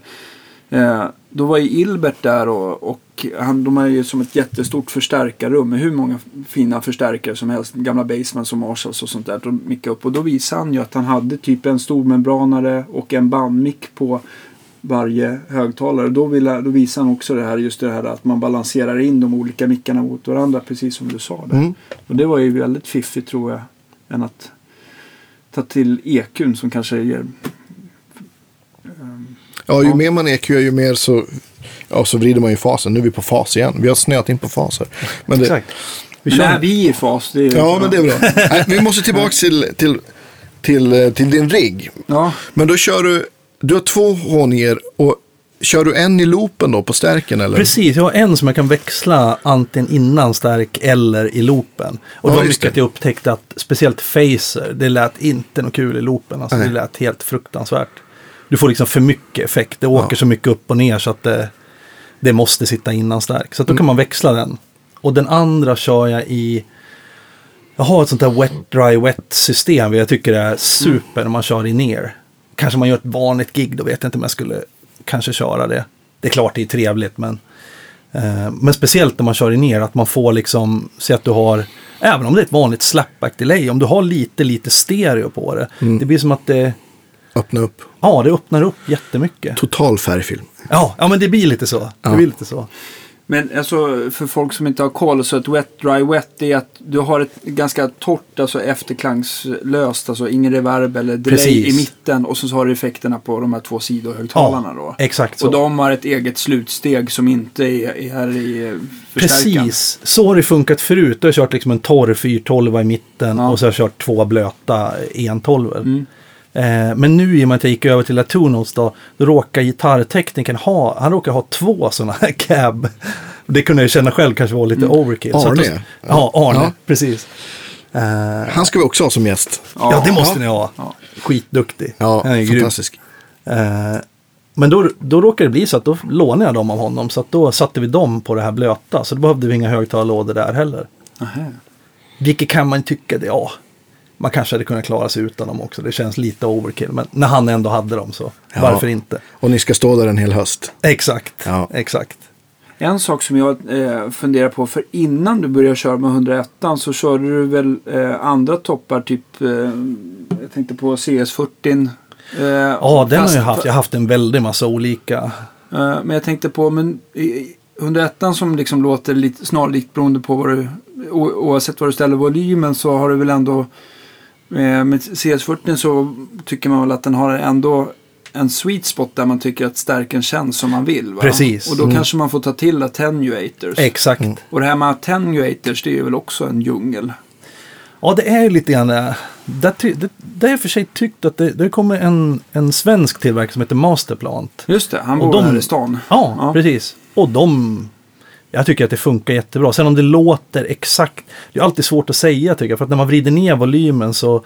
Det blir ju tråkigare liksom. Det blir det ju alltid. Det är som om man sitter i studion och lyssnar på mix. Lyssnar man på lite starkare volym och sen på svagare. Tycker man att den på svagare volym låter sämre. Ja, men vi spelar in sång med någon så säger, säger de, "Nej, jag tycker inte att det låter så bra. Så höjer man volymen 2 dB. Ja, nu låter det jättebra. Vad gjorde du för något? Nej, jag fixar lite, säger man då. så, att, Precis. för, men så funkar ju örat.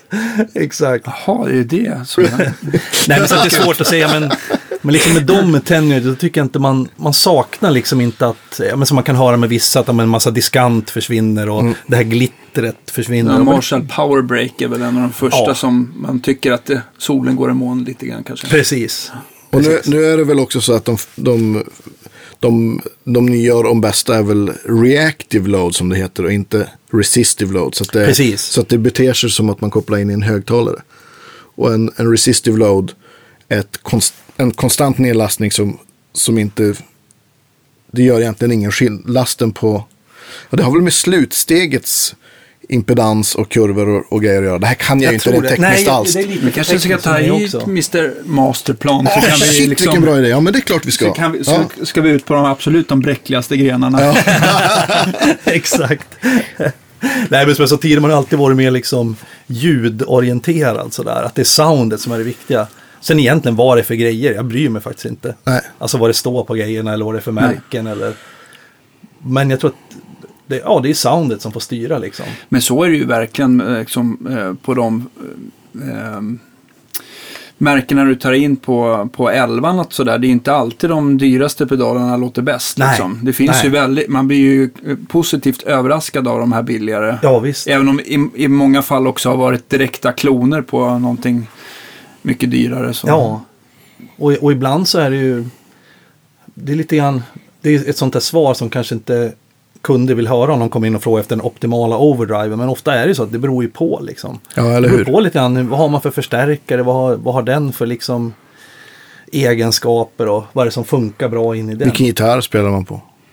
Visst, Ja, Massa hö, vilken högtalare och så vidare. ja, Hur man spelar? Ja. Också. Ja, precis. Det kan ju vara konstigt när man lyssnar på två olika gitarrister som, som man låter prova samma sound. Vad olika det låter ibland. Ja.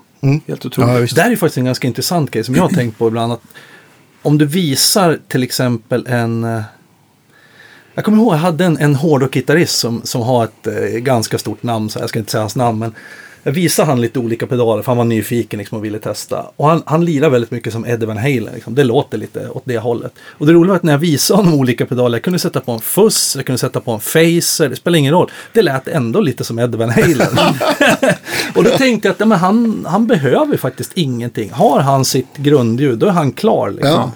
Och jag tänker det är samma som Ja, men om man tar B.B. King, liksom. hade du satt olika pedaler, jag är övertygad om att han hade låtit exakt likadan. Ja, om han har en Twin eller en, eller en vad heter de, en Lab spelade han väl mycket på. så Ja, det spelar, det någon roll alltså. Nej. Han, han har sin grej som han kör liksom. Men han vill ju ha väldigt cleant sound. Ja. så Ja. att det kanske är att den här labstärkaren, den har, väl, har inte någon inbyggd kompressor, att en sån ratt som... Ja, ingen aning faktiskt. Men jag tänker Jag bara på det där just att jag tror att vissa är sådär att de spelar, jag har märkt en tydlig skillnad där. Vissa spelar på ljudet liksom. Mm. Och vissa har bara ett Och sound. vissa, ja, eller? och det ena behöver inte vara sämre än det Nej. andra. Men för vissa passar det nog inte att ha liksom en palett av olika ljud. Sådär, utan man, har man sitt sound så räcker det. Liksom. Ja. Ja. Det är liksom olika, olika sätt att göra det. Jag hade en annan kille som jag visade.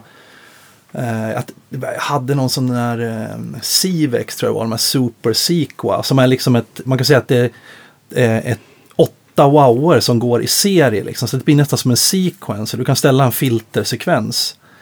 Och det där är ju liksom en väldigt udda fågel. Men hittar man liksom rätt riff till Då en sån låter det Van pedal. Halen ändå. nej, nej, den här killen han lirar inte Van Halen liksom. Men, men eh, jag tyckte det var skitcoolt. Man kunde hitta riff man aldrig skulle ha hittat Ja, det. med, det där, med det där soundet. ljudet, ja, Sen är det ju definitivt en sån pedal som man skulle ta fram den en gång vartannat år. Men då är det världens coolaste pedal. Ja. Men sen så kanske man inte har så mycket användning av en sån. Men han lirade då eh, lite blueslick så här och inte i tempo med den här filtersekvensen. Eh, och då tänkte jag just att ja, det, det är väldigt, väldigt olika liksom hur man reagerar på sound liksom. Men jag tror du också är extremt, alltså slänger jag på en effekt framför dig så så är det nästan så att du börjar spela liksom vad, vad som ljudet. passar till, den, till det ljudet Och någonstans. det är, kul, det är kul att ta inspiration liksom, Ja. från vad soundet föreslår. Liksom. ja, visst. Sen kan det ju vara liksom, menar, man kan göra vad som helst. Man har gjort inspel där man till exempel bara spelar med reverbretur. Mm. För att få så här paddaktiga grejer. Det, det kan ju vara verkligen precis vad som helst. Jag, jag känner också så här, det skulle ju egentligen kunna bli eh, åtta timmar långt eller att vi kör flera, flera avsnitt av den här um, fina podcasten. Men någonting som jag, eh, eh, man både vill veta mer om karriären, hur du hamnar med Ledin och, och Orup och Lena och alla. Eh, och, eh, men framförallt någonting som jag undrar över, hur kommer det sig att du liksom startade Elvan en gång i tiden? Som kanske folk vill ta. Det, det, startades faktiskt, det startades från att eh, det var egentligen två grejer som gjorde det. Dels var det att jag lärde känna Björn Juhl. Det var en Mm. av de grejerna som var en sån här tydlig grej att wow, det här är ju någonting som man, man aldrig upplevt något liknande. Sättet jag lärde känna på honom på det var att det var en, en eh, god vän till mig som heter Lasse Bjurhäll. Som kände Björn. Det är, det är det namnet som har florerat mest i våran Ja, men podcast. Ni måste, han är, han är en Ja. centralfigur i Ja. Ja. Han är... Ni får, du får bjuda hit honom. Ja, Få lite stories. Ja. Eh, nej, men han kände Björn. Och grejen var att han hade en pedal som Björn hade gjort. Och jag hade någon sån här Pearl Overdrive som jag spelade på för tillfället då. Det var väl någon 80-talsvariant tror jag. Eh, Och den lät väldigt bra den här Pearl Overdriven. Och då kom Lasse på att han ville att den här hans pedal som Björn hade gjort skulle låta som min Pearl Overdrive. Mm. Och jag bara, jaha, ja, men du kan, kan väl låna den? Ja, men häng med så här, det blir skitkul. Så drog han ut ett, ett schema på den här Pearl Overdriven. Eh, och så åkte vi hem till Björn. Mm. Och så knackade vi på. Björn, efter ett tag öppnade han, han slet upp dörren, kommer jag ihåg, ganska fort. Eh, och så stod håret åt alla håll. The Mad så, Professor. Han var the mad professor. Han hälsade inte direkt utan han liksom... Han, lät, han lät något. Och så försvann han in fort. Jag bara, åh vad är det här för? Det här var skumt. Och då hade han liksom lödstation och allting i köket. Bodde han, var det här när han bodde på Långholmen eller bodde han i Täby? Det här var Täby. Ja, just det. Ja. Mm. Jag har, då har jag lägenheten framför mig. Mm, så jag jag med. Just det. Ja. Nej, men han försvinner in i köket och sen så ger eh, Lasse förklarar vad han vill och ger Björn det här schemat. Och Björn tittar på schemat och sen börjar han gapskratta efter kanske 10 sekunder. Så jag bara wow, det här är läskigt. Alltså jag åker härifrån. Men jag stannade kvar och sen så öppnar Björn sin pedal och så börjar han löda i den. Och lödde i kanske en eller två minuter. Och jätte, jättefort gick det. Eh, och sen så sa han till Lasse att han skulle testa och jämföra med den här Pearl.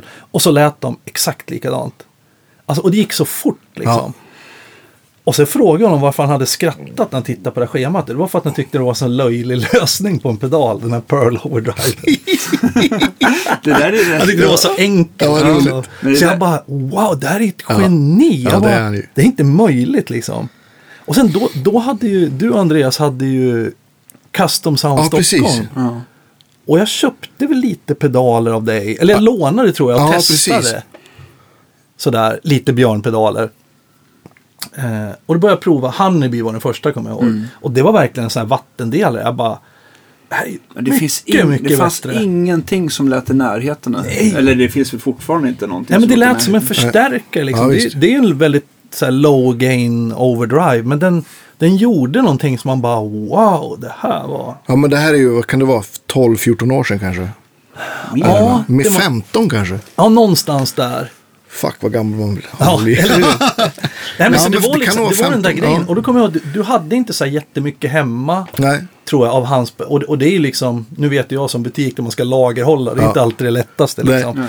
Men då fick jag den där idén att, men tänk, jag har ju så många gitarrkompisar, tänk om jag tar hem en kartong med de här och så bara säljer jag till de man känner. Ja, liksom. Jag tänker, alla som testar de här kommer ju upptäcka att det här är the shit. Visst. Och så blev det, precis så var Mm. det. Så då började jag med bara dem. Jag hade en, fanns ett, ett ställe då som hette MMS som låg på Folkungagatan där alla musiker liksom förvarar sina, sina riggar. Jag hade också mina grejer där. Micke hette han som hade Ja, precis. Ja. Han håller ju fortfarande på liksom. Precis. Det finns inte kvar där på Folkungagatan men han håller på. Eh, och då hade jag en kartong där, liksom en pappkartong. Och så tog man dit lite folk då och då. De fick testa liksom och de fick låna med sig grejer. Och Ja. det, var, det var så det började liksom. Butiken började i en pappkartong där på MMS. Men sen var det liksom då, Och hur länge sedan är det här? kan det här vara 2000, kan det vara 05 eller något sånt där? Ja. 2005. Kanske någonting sånt. 2004, jag kommer inte ihåg faktiskt exakt. Ja, men det låter väl Ja, rimligt. Sen så kör, hade inte, första gången jag träffade dig när du hade igång elvan lite grann. Det var väl att du, jag, Micke Nord och undrar om inte du var med också. Vi var ute i din studio i Älvsjö industriområde. Kan det stämma? Ja. Eller Hagsätra kanske precis. Hagsätra. Det var Ja, du David Myhr där. som, Just det, som exakt. hade den Ja, just det. Just det. studion tillsammans ja. med Anders Hellgren. Och jag hyrde in mig också där. Liksom. Ja, precis. För där hade du tonvis av pedaler och sådär. Precis. Så lite. Och... Det roliga med den där studion var att det var en jätte, jättefin studio. Liksom. Ganska stor. Jag Ja. tror inspelningsrummet var så här typ 80 kvadrat. eller något Ja, sånt där. visst. Och bra liksom mixerbord, analogbord. Och, de- det var jätte... och jag hade den där tanken hela tiden att ja, men här ska det spelas in grejer.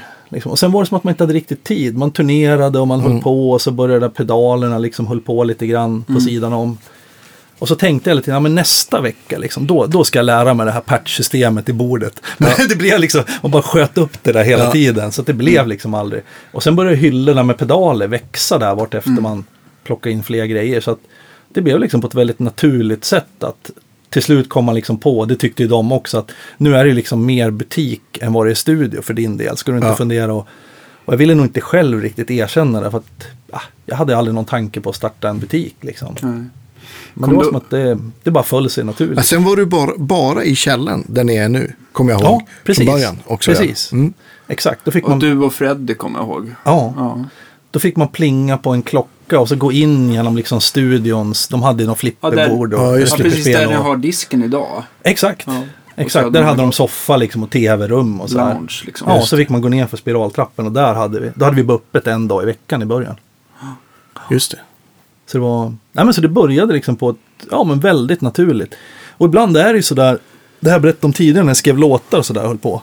Jag vet inte, hur ser, hur ser vi Nej, ut? nej, idag? det är det- lugnt. ja, det är lugnt. Det Jag, håller jag bara på att skena tittar. iväg. Nej. Nej, nej, nej. Jag, jag, mest, jag bara kollar så att Det datorn inte stänger av sig själv. Det, Ja, det har hänt någon gång. Eh, nej, men det jag berättade om i början där. När, när jag höll på och skrev låtar och sådär. Där var det liksom att jag började på med Anders Bagge och liksom. Mm. Det hände ju en hel del grejer. Vi gjorde en hel del projekt. Liksom. Vi höll på med Enrique Iglesias, Ricky Martin och Santana. Och det var liksom, men det, det blev aldrig någonting. Det kom liksom aldrig riktigt i mål att det blev en singel eller att det liksom hände någonting. Ibland kom det på på någon skiva men så, ja, så blev det ingenting av den skivan, en floppa eller vi hade Tony Braxton på G som jag tyckte var en fantastisk sångerska. Ja, men då droppade skivbolaget henne. Leni Aqua skrev vi någon låt till och spelade in flera låtar med. Och, och hon, hon ville göra någonting helt annat än det hon gjorde i Aqua. Det var ju skitkul. Men då gjorde hon någon sadomasochistisk video som floppade totalt. det var liksom bara, det var bara, det var mycket motgångar liksom. jag Mycket kände yttre omständigheter som ska klaffa för att, Ja men det är ju det, för även att det om det ska är en bra låt, någonting. för att det ska fästa på rent. Och man kan ju köra, man, jag tycker någonstans, eller jag har alltid tänkt sådär, att man kan köra på ett spår liksom ett visst tag. Men märker man efter ett tag att det liksom inte börjar, man får ingen luft under vingarna liksom. Man måste ju kämpa hårt, det är klart, och köra Mm. Ja, ja, stenhårt. Men har man inte luft efter några år liksom, då börjar man ju till slut känna att det här kanske, det kanske är fel grej man är inne på. Ja men visst, ja, men så, så kände ju jag med att sälja prylar. Ja, jag hade, just ju, det. liksom, det var liksom, jag hade ju en på tok för dyr lokal och så var det liksom, jag fick spela ihop pengar för du vet och, Ja. och, och få liksom den andra businessen att gå runt och känna, nej men fan, jag ska nog bara spela gitarr och Ja. hålla på. Men det Så är, att, ja, men jag tänker så i början och sådär. Det handlar, det handlar eh, mycket om att försöka vara smart med sina kostnader. Ja, Att man liksom inte man eh, tar, spenderar upp alla pengar man har och så finns det ingen buffert eller Precis. Nej, men precis. Var det så du kände? ja eller? men jag hade, jag hade en stor lokal och så hade jag som hade tre replokaler, ett proddrum och jag hyrde ut till två som hade kontor. Och ja, för att göra en, lång story kort så var det, det var inne i stan och så blev det problem med grannar och så, och så helt plötsligt stod två replokaler tomma och så, ja men du vet så här, hade jag en kostnad på du vet så här 15-20 tusen i Ja. månaden som jag fick stå för. Liksom. Ja. Det är ganska mycket Extra då eller? extra då liksom. Så att, eh, ja och då, den är tuff. ja men den är tuff. Drottninggatan är väl kanske inte Ja. heller den billigaste adressen Nej men precis, så det blev så här, luften gick ur. Ja men precis som du säger så kände jag, kände jag att, nej men, jag ska nog göra något annat. Ja. ja, men ibland är det ju så med Ja, vissa grejer man satsar på. Liksom. Ja. Jag läste den boken som heter Alkemisten, Paolo Coelho, en fantastisk bok. Det är liksom som en äventyrsbok, men den är lite, lite filosofisk också. Ja. Och den säger liksom det att om man gör rätt grej så kommer liksom hela världens krafter att hjälpa till att föra Ja. en i den riktningen. Men gör man fel grej så blir det precis tvärt emot. Då får du en massa motstånd. Och det var så jag kände liksom med låtskrivandet, att fan, det här är för mycket motstånd. Liksom. Ja. Och hade köpt Pro Tools-system, du vet, så här 250 000. Som redan ett halvår efter jag hade köpt det liksom var inaktuellt i princip. Nej, men det var så... Shit vad det kostar. Det, Ja, det kostar alltså. så fruktansvärt mycket pengar. Och, och även att skriva låtar, liksom, man, man får ju förlagsförskott. Men det är bara ett förskott på det man ska tjäna ihop. och det är en otrolig long tail på Ja, det är ju det. Liksom. Och man jobbar ju i princip gratis tills det händer någonting. Mm. Och jag hade inget problem med det, men det var bara att man kände att det, så här mycket projekt och det, liksom, det händer inte riktigt. Det här måste vara fel och det är så grej, många liksom. parametrar som det kan stupa på. Ja, men du säger, hon gjorde en dålig video. Därför blev Ja. det inget av en Nej, kanske bra låt. Liksom. Nej. Det är så otroligt mycket tillfälligheter. Ja, det är det. Och det var väl där det var precis tvärtom med butiken. Att där liksom Ja. känner man, men här blev det ju. Och som jag sa tidigare så var det två anledningar. Den ena var ju liksom då att jag lärde känna Björn där. Och att jag började med bara hans pedaler. Den andra anledningen var att jag hade gjort något gig sådär som jag kände att fan det här. Jag fixar inte det här. Alltså, det är en bra inkomstkälla men jag kan inte spela sådana här gig för att jag mår för dåligt. Då får jag äta antidepressiva och liksom bita ihop. Men det är inte värt det. Man ska göra, man ska göra kul grejer. Är det att musiken inte passade eller var det liksom eh, omständigheterna runt Både omkring? det, musiken, omständigheterna runt omkring, liksom allting. Mm. Det bara... Det var inte, det var inte sådana spelningar jag ville göra liksom. Mm. Då tänkte jag att ja, men det är faktiskt det är rätt smart att ha Så att man inte helt sitter i händerna på liksom bokningsbolag och ja, Artister och- Ja, utan att man faktiskt har liksom en, man har någonting annat som man kan, man kan säga nej till spelningar. Mm. Och det var liksom den andra anledningen. Att jag ville kunna säga nej ibland. Om man kände att, att det var något som inte, ja men det, att det inte Som du inte ville göra helt Ja, enkelt. precis. Precis. Ja, men det är ju ytterst klokt. Säkert på samma sätt som många undervisar eller, Ja, eller bygger hemsidor eller vad man nu gör. I dagsläget är det ju jättemånga som kombinerar sitt spelande med olika saker. Liksom. precis. Och det ger ju liksom en annan, en annan frihet. Ja, visst. Men någonting som du kanske aldrig säger nej till det är väl uh, Ledin-spelningarna va? Ja, där har vi liksom varit ett- samma band. Det är lite speciellt, för vi var i samma band i, ja det är 17 år i år. Så det är länge. Väldigt länge. Ja, shit, det är ju Men det- ascoolt. Men Det är ju ganska ovanligt ska man ju också tillägga i, i vår bransch. Att Ja, för det är inte att, vi var inte ett fast band så. när ni blev liksom ihop. Ja, vi kände bara. inte varandra liksom. Eller jag kände inte de andra överhuvudtaget liksom. Men det stämde väldigt bra från början och sen blir det när man har spelat ihop ett gäng år så det blir ju ett sound och liksom ett sitt och, och att man har samma idé om hur det ska låta. Och, Och, och jag kan tänka mig att det måste vara väldigt skönt för Thomas att ha den eh, tryggheten också. Att han, Ja. alltid, man, han behöver inte lägga någon tankekraft om hur kommer det låta ikväll. Liksom. Eller kan de grejerna. Man kan ju säkert resonera på olika sätt där. För jag kan tänka mig att de artister som byter, de är väl ute efter liksom nytt blod och Ja, att det känns nytändning, ja. hungrigt. Och, ja, men. Ja, eller ett nytt sound. Ja. Någon gör en, vad Så ni får färga håret ofta. Precis, det är det. Nej, men där, där ser man ju till att det liksom man tänder varann på något sätt. Så att det är liksom, det måste vara adrenalin. Det är ju ett fruktansvärt bra band. ja, verkligen. Ja, tack. Ja, ja, men det låter Ja, men det fantastiskt. Måste jag man måste säga. bara fråga, eh, men är det sådär att du kan, eh, är Thomas hård mot dig när du kommer med, med olika gitarrer och så här och prova eller är han så här, men det där kan du kanske inte ha ikväll? Så det, det har hänt en enda gång faktiskt att han har sagt något. Det är ganska kul. Det är inte den? Måste jag ha köpt av dig va? En, en Ja. PRS David Grissom. En ganska snygg gitarr tycker jag personligen och det står väl den här i Ja, det i står en precis bakom det. Nej men det är liksom, jag har haft, man har ju haft mycket, mest har ju spelat Strata och Tele genom åren. Men, men, och det känns väl fortfarande hemma liksom. Men där tänkte jag att det där är liksom en skala som ligger mitt emellan. Man har svaj, man har split på, på handbackemicken så man kan få lite båda. Det är en perfekt så här, allround-gitarr. Det är en fantastisk välbyggd, gitarr. Ja, visst. jätte, jättevälbyggd gitarr. Jag var väl lite sådär tveksam till looken själv. Och, eh, Mm. Man kände att ja, men det, men det är en okej. Det var en gold top så den såg liksom inte, det var inte så här superflammig. Alltså man kan känna som vissa gitarrer som kan kännas lite som möbelgitarrer. Ja, visst. Men den var inte så. så att, det här är väl okej liksom. Så skulle vi göra någon tv-spelning då med, med Thomas. Eh, och då när jag kommer med den Jag gitarren. tror att det var liksom- morgon-tv. Ja, det var jag- jag morgon-tv. Man kommer liksom Ja. tidigt på morgonen så här. Och så, då hade jag till och med tejpat den lite med någon svart tejp. för att jag tänkte- Eltejp typ. Ja, jag tänkte det skulle se Stripat. lite... För jag tyckte själv att den såg lite snäll ut liksom. Ja. Äh, för att göra någonting så att det blir Ja. lite roligare. Så att jag tejpade den lite och stripade den lite så här. Sen när jag plockar upp gitarren så To- Thomas, det enda säger bara Ska du spela på den där?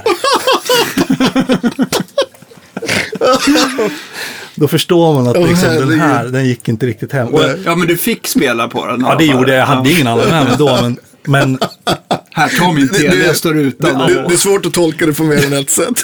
det var inte positivt liksom. Ska du, ska du verkligen spela på det Ja, där? lite så. Den där. Annars, annars har jag aldrig sagt något liksom. Nej. Så ja, det var lite kul Det reaktion. blir väl stratta sen dess helt enkelt. Ja, det har egentligen, eh, det har egentligen alltid varit det. Liksom. Ja. Stratt och tele, det var där jag började liksom. Och sen har, jag, har det alltid varit det. Så jag gillar, jag gillar det där eh, när man har sträng liksom genom, även om man kör dist eller fuss eller vad man gör, att man har sträng igenom. Och jag tycker själv att med single coil så blir det liksom Ja, det blir mer- tydligare sträng. Ja, det blir mer av den banan. Ja. Och jag tror att det har väl både med att, att det är just single coil. Eh, för jag, jag får den här känslan av att en handbacker som har två upptagnings, alltså två spolar som tar upp på två olika platser på strängen. Att det är vissa frekvenser fasas i mer och vissa swas- bort mer. Så man får inte samma distinkthet liksom. Nej. Men, eh, Ja, det kanske är så. Sen gillar jag också det där med, med strato till att man liksom kan gräva ur tonen. Att man kanske har så mycket dynamik. Ja, just det. Du kan spela jättesvagt och man kan också slå stenhårt på den. Eh, man kan misshandla den. Liksom. En, en, om man har en Les Paul eller liknande, de går liksom inte att... Du kan inte riktigt spela på samma sätt. Lika den. det är lite mer vårdslöst, jämntjockt liksom. Ja, det är ingen, det är ingen mening att slå väldigt hårt på en Les Paul för att den svarar inte på det sättet. Nej, det är sant. Den är lite Så- så- färdigkomprimerad kan man säga. Ja, på ett, kanske på, så. på gott och ont Ja. tycker jag också. Man får, ju mycket, man får ju mycket hjälp av en Les Paul kan jag, Ja. på ett annat sätt. säger, man gillar ju det också. Det är inte att jag inte gillar det. Men, men om jag ska välja liksom, så känner jag att det blir alltid, alltid samma grej man kommer tillbaka till. Jag och tänker jag också, vi pratade om Richie Blackmore. Där, Ja. som hans, om man tänker dist sound och sådär, vad man gillar för någonting. Det är ju optimalt tycker jag. För där har man liksom, även när han har mycket gain, så det är alltid strängt. Liksom. Jättemycket sträng. Ja. Ibland låter det nästan overkligt rent. Ja. Fast sustain ändå. Ja. På något vis. Ja, det är... När jag började, alltså, hans tidiga stratter det var väl egentligen eh, typ eh, sent 60 med stor skalle eller tidig 70-talsstrata. Mm. Men när började han, sen så började han ju byta mickar där någon gång och många har ju trott att det är de här quarter pounder Seymour Duncan men det är det tydligen inte utan de här Schecter-mickarna som kom där någonstans i 70-talet. Ja, har ni ja, någon ja. koll på exakt vilket år han började? Nej. Är det Rainbow?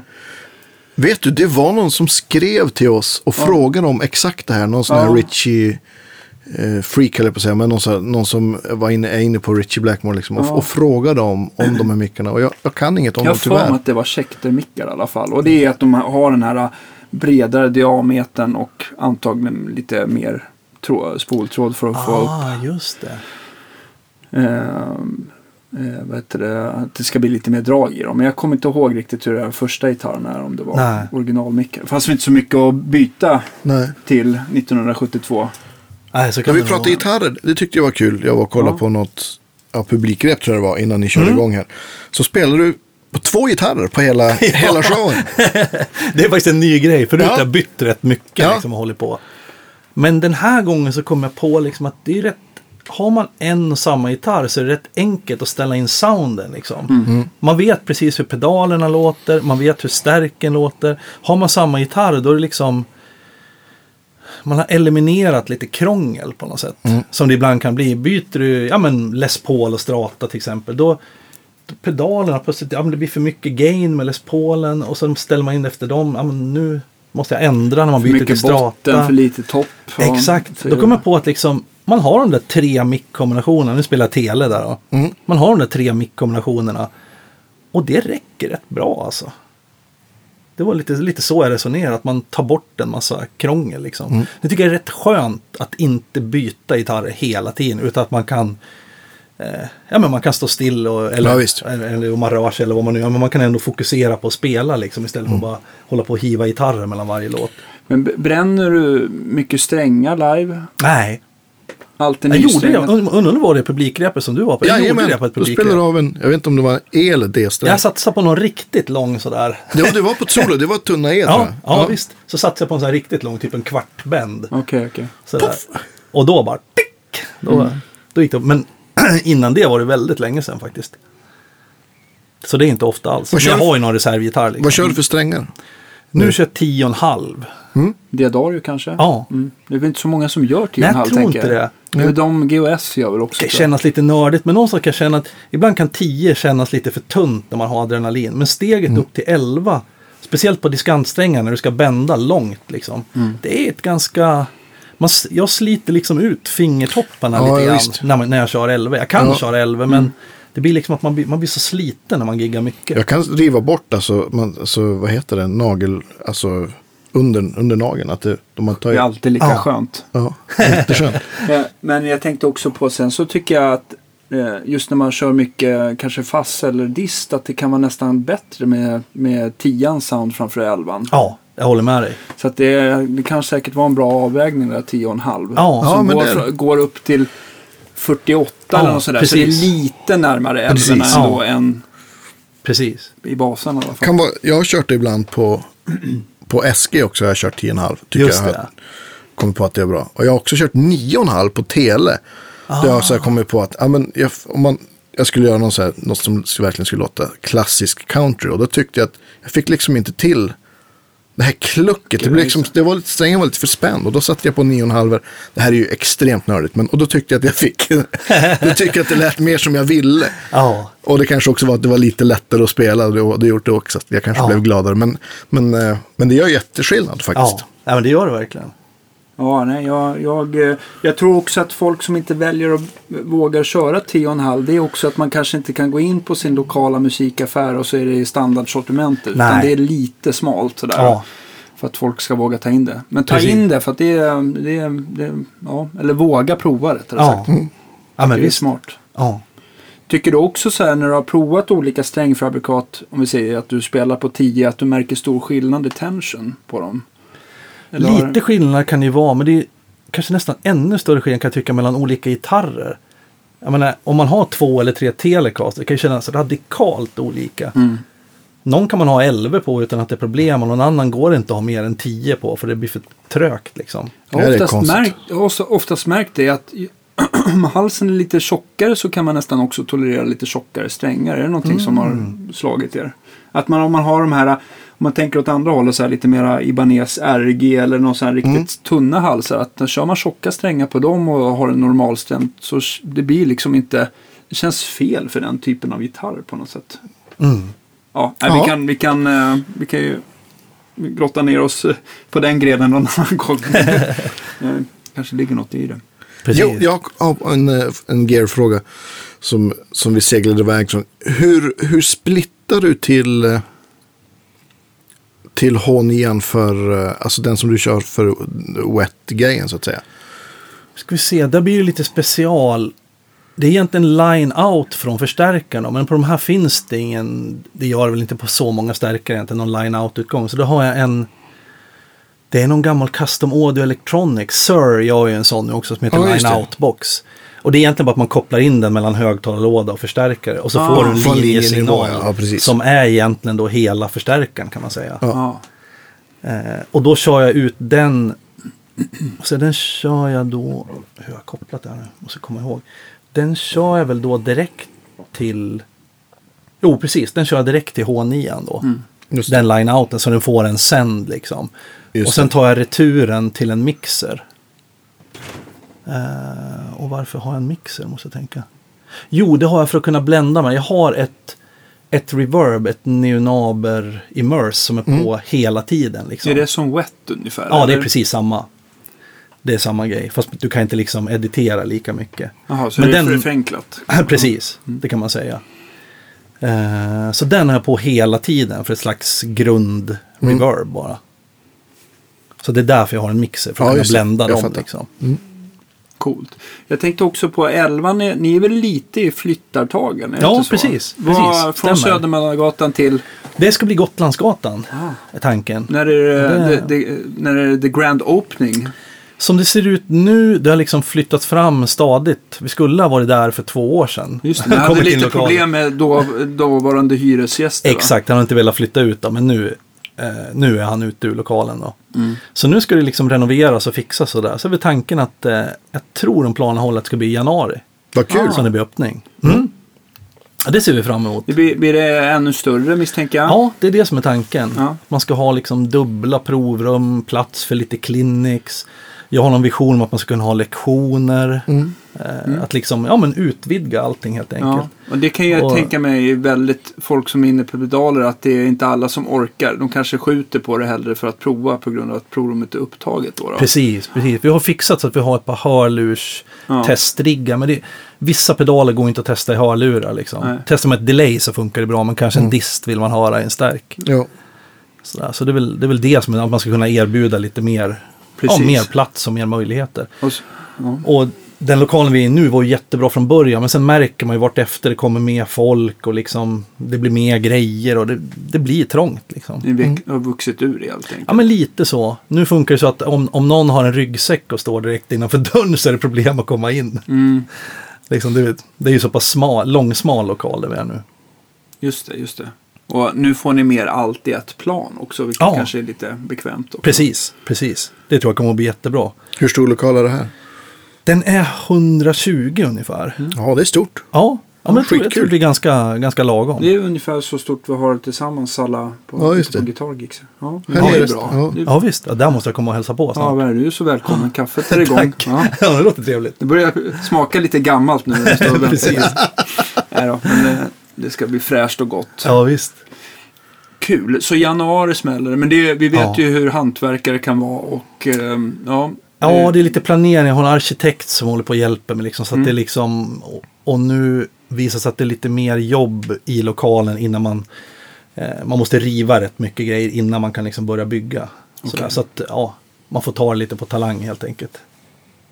Jag förstår. Men vi hoppas öppna så fort det går bara. Hur, eh, hur tänker du så när ni får den här extra ytan förutom extra provrum eh, och, eh, och sådär? Kommer det bli mer pedaler eller mer gitarrer eller mer förstärkare eller mer av allt? Eller vad är... Tanken hur, är hur fyller man en, en, så många extra kvadrat? Eller Ja, det kanske visst. inte är något problem. Nej, jag tror inte att det är något problem. Framförallt så tänker vi mer gitarrer. Mm. Det är där vi börjar tror jag. Sen finns det ju, jag menar basar, det har vi knappt ens, elbasar har vi aldrig haft egentligen Nej. och sålt. Eh, och även förstärkare har ju varit ganska lite elbasförstärkare. Men där finns det också liksom en, Mm. en plan att man ska kunna öppna upp lite åt det hållet. Eh, och sen har vi mm, en gitarrmeck som jobbar halvtid nu hos oss. Just det, Lalle. Lalle ja, Ja, ja. precis. Känd Så- från Twang som ni som Ja. undrar. Ja. Precis, så tanken är att han ska stå liksom i själva butiken då, och Mm. inte som nu då att han är nere, nere i källaren. Nej, precis. Och sen så har han ju också en, en djup kunskap om saker och ting. Så Ja, han visst. kan ju hjälpa till på alla Ja, precis. Ja, men det roliga med honom, han kan ju både pedaler och gitarrer bra. Ja, han liksom. bygger ju en hel, moddar en hel del pedaler också. Ja, och han okej. hjälper er att laga pedaler kan jag tänka mig också. Ja, visst. Ja. Jag tror faktiskt jag hörde någon som sa att det var en kund som sa att Terje Rypdal har en av hans moddade bosspedaler. Jaha, vad Det är coolt. lite coolt. Ja, det är det. Så Att han tydligen gillar det. Jag vet inte om det är sant, men kan vara. Kan Det hoppas. stämmer säkert. Ja. Han har ju moddat ett och annat. Så det, Ja, visst. Precis. Nej, men så man tänker att man vill bli breda liksom. Och jag tänker just det här med att det skulle behövas lite mer liksom clinics eller liksom minikonserter. Mm. Eller, Så får man ju se vad man kan göra. Det hänger liksom på grannar och Ja, allt det sånt där. Men jag vill gärna göra så mycket som möjligt. Så Ja. mycket man hinner. Liksom. Ja, visst. Sådär. Och även med lektioner, liksom, att man ska kunna plocka in. Jag menar, men som det är ni skulle kunna hålla lektion där eller Ja, visst. vem som helst egentligen som vill. precis, Ja. vi kan ha lite föredrag. Vi ska ju ut. Eh, vi vi, ska- hade ju fått vår första klinikgrej här att eh, prata gitarrprylar med Ja, eleverna precis. på Rytmus nu. Ja. Ja, var kul. Ja. Mm, det ska bli väldigt Snart trevligt. kommer vi att eh, få ut det på de absolut tunnaste grenarna. Ja. Nej men har man plats så finns det liksom, det finns mycket mer Ja, då har Ni skulle kunna göra liksom en live-podcast från butiken. Alltså. Ja, ja. Ja, visst. absolut. Det skulle vara jättekul. Alla sådana här grejer som bara är happening. Jag, tycker tror- det ja, är men visst. superkul. Jag Ja, tror det är också att, att eftersom det är ändå en ganska liten bransch och ankdamm och sådär så har man ju mycket mer glädje av att hjälpa varandra än att man alltid tror att ensam är stark. Va? Just det här Ja, ja, nätverkandet och. Ja. göra det här eventen och liksom få ihop sina kontakter tror jag kommer vara framtiden i alla fall. Ja, liksom. absolut. Och hårt Det- arbete givetvis. Ja. Ja, Så vi får se hur det urartar. precis. Det låter ju skitspännande. Hur, Ja. länge, hur länge kör ni på nu på Cirkus då? Är det, det är hösten ut eller är det fortsättning eller Hösten ut, våren Göteborg och sen vet man väl inte om det blir någonting mer efter det. Då. turné kanske? Ja, det kan ju Ja. bli det. Precis. Så ja, men det är väl så långt som planerna sträcker sig där. Får jag bara, Det är får jag bara fråga, vi pratade lite här innan om eh, just att, att ligga borta till exempel i Göteborg. För då blir det väl kanske så här eh, torsdag till eh, lördag Ja, gig eller ja. någonting sånt där.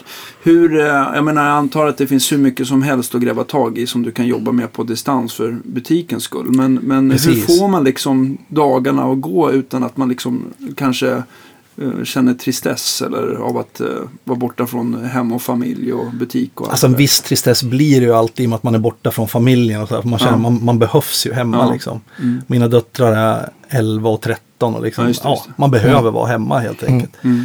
Men man får försöka göra det bästa utav det. Mm. Eh, och eh, ja, men man, man tränar. Det låter som en kontaktannons, så här långa Ja. höstpromenader. Nej, Men jag vet att du liksom- har tränat högerarmen i, i, vid enstaka tillfälle. Det kan ju hända. Nej, det blir ju special också om man, om man är i samma stad sådär många dagar i rad och en, kanske en hel, ja, men en hel vår. Ja. Det är en helt annan sak än att komma till en ny stad varje Precis. helg eller varje dag till och med. Ja, nej, men så är det ju. Men jag har ju som sagt man har mycket att göra med butiken. Liksom, så att Mm. Nu håller jag på och går en eh, kurs online i Facebook-annonsering. Ja, vad Vilket är intressant. mycket liksom, psykologi egentligen. Otroligt Så- intressant. Ja, sånt där är Vad, men, jätte, vad, jättekul. vad menar du med psykologi? Nej, men det är lite grann, jag tänker utgångspunkten om man, ska eh, om man ska annonsera på Facebook. Det är ju att folk är inte där för att handla. Så till att börja med så måste du liksom Dra in fånga dem. folks Mm. uppmärksamhet fast på ett positivt sätt. man vill ju inte pracka på folk grejer där liksom. Eh, så att då måste du liksom erbjuda någonting som är bra. Man kanske får erbjuda en lektion eller eh, du vet en pdf. Hur, hur eh, produktion, så jag skulle kunna skriva om när man proddrepar med Mm, ja, Ledin precis. till exempel. Hur, det, hur det funkar eller Mm. ja, man kan erbjuda egentligen vad som helst. Hur, hur kan man sätta ihop pedaler optimalt eller Mm. sådana grejer liksom. Då är man ju lite mer öppen om man, Absolut. om man får någonting. Liksom. Och det är där liksom den psykologiska biten är. Mm. Och så, sånt, eh, sånt är intressant tycker jag. Mm. Lära sig nya grejer. Verkligen. Det, går ju, det går ju väldigt fort också.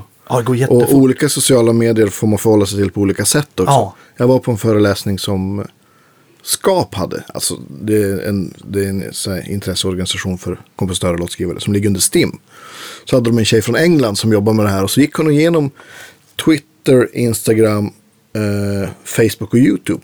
Och, liksom, och, och, och berättade och, om hur man kan förhålla sig och vilken enorm, och bara hur länge en po- post räcker på de här olika. Till exempel en Facebook-poster ska man inte göra för många inlägg. För då blir det varje en kommer, då klickar bara folk, folk bort det.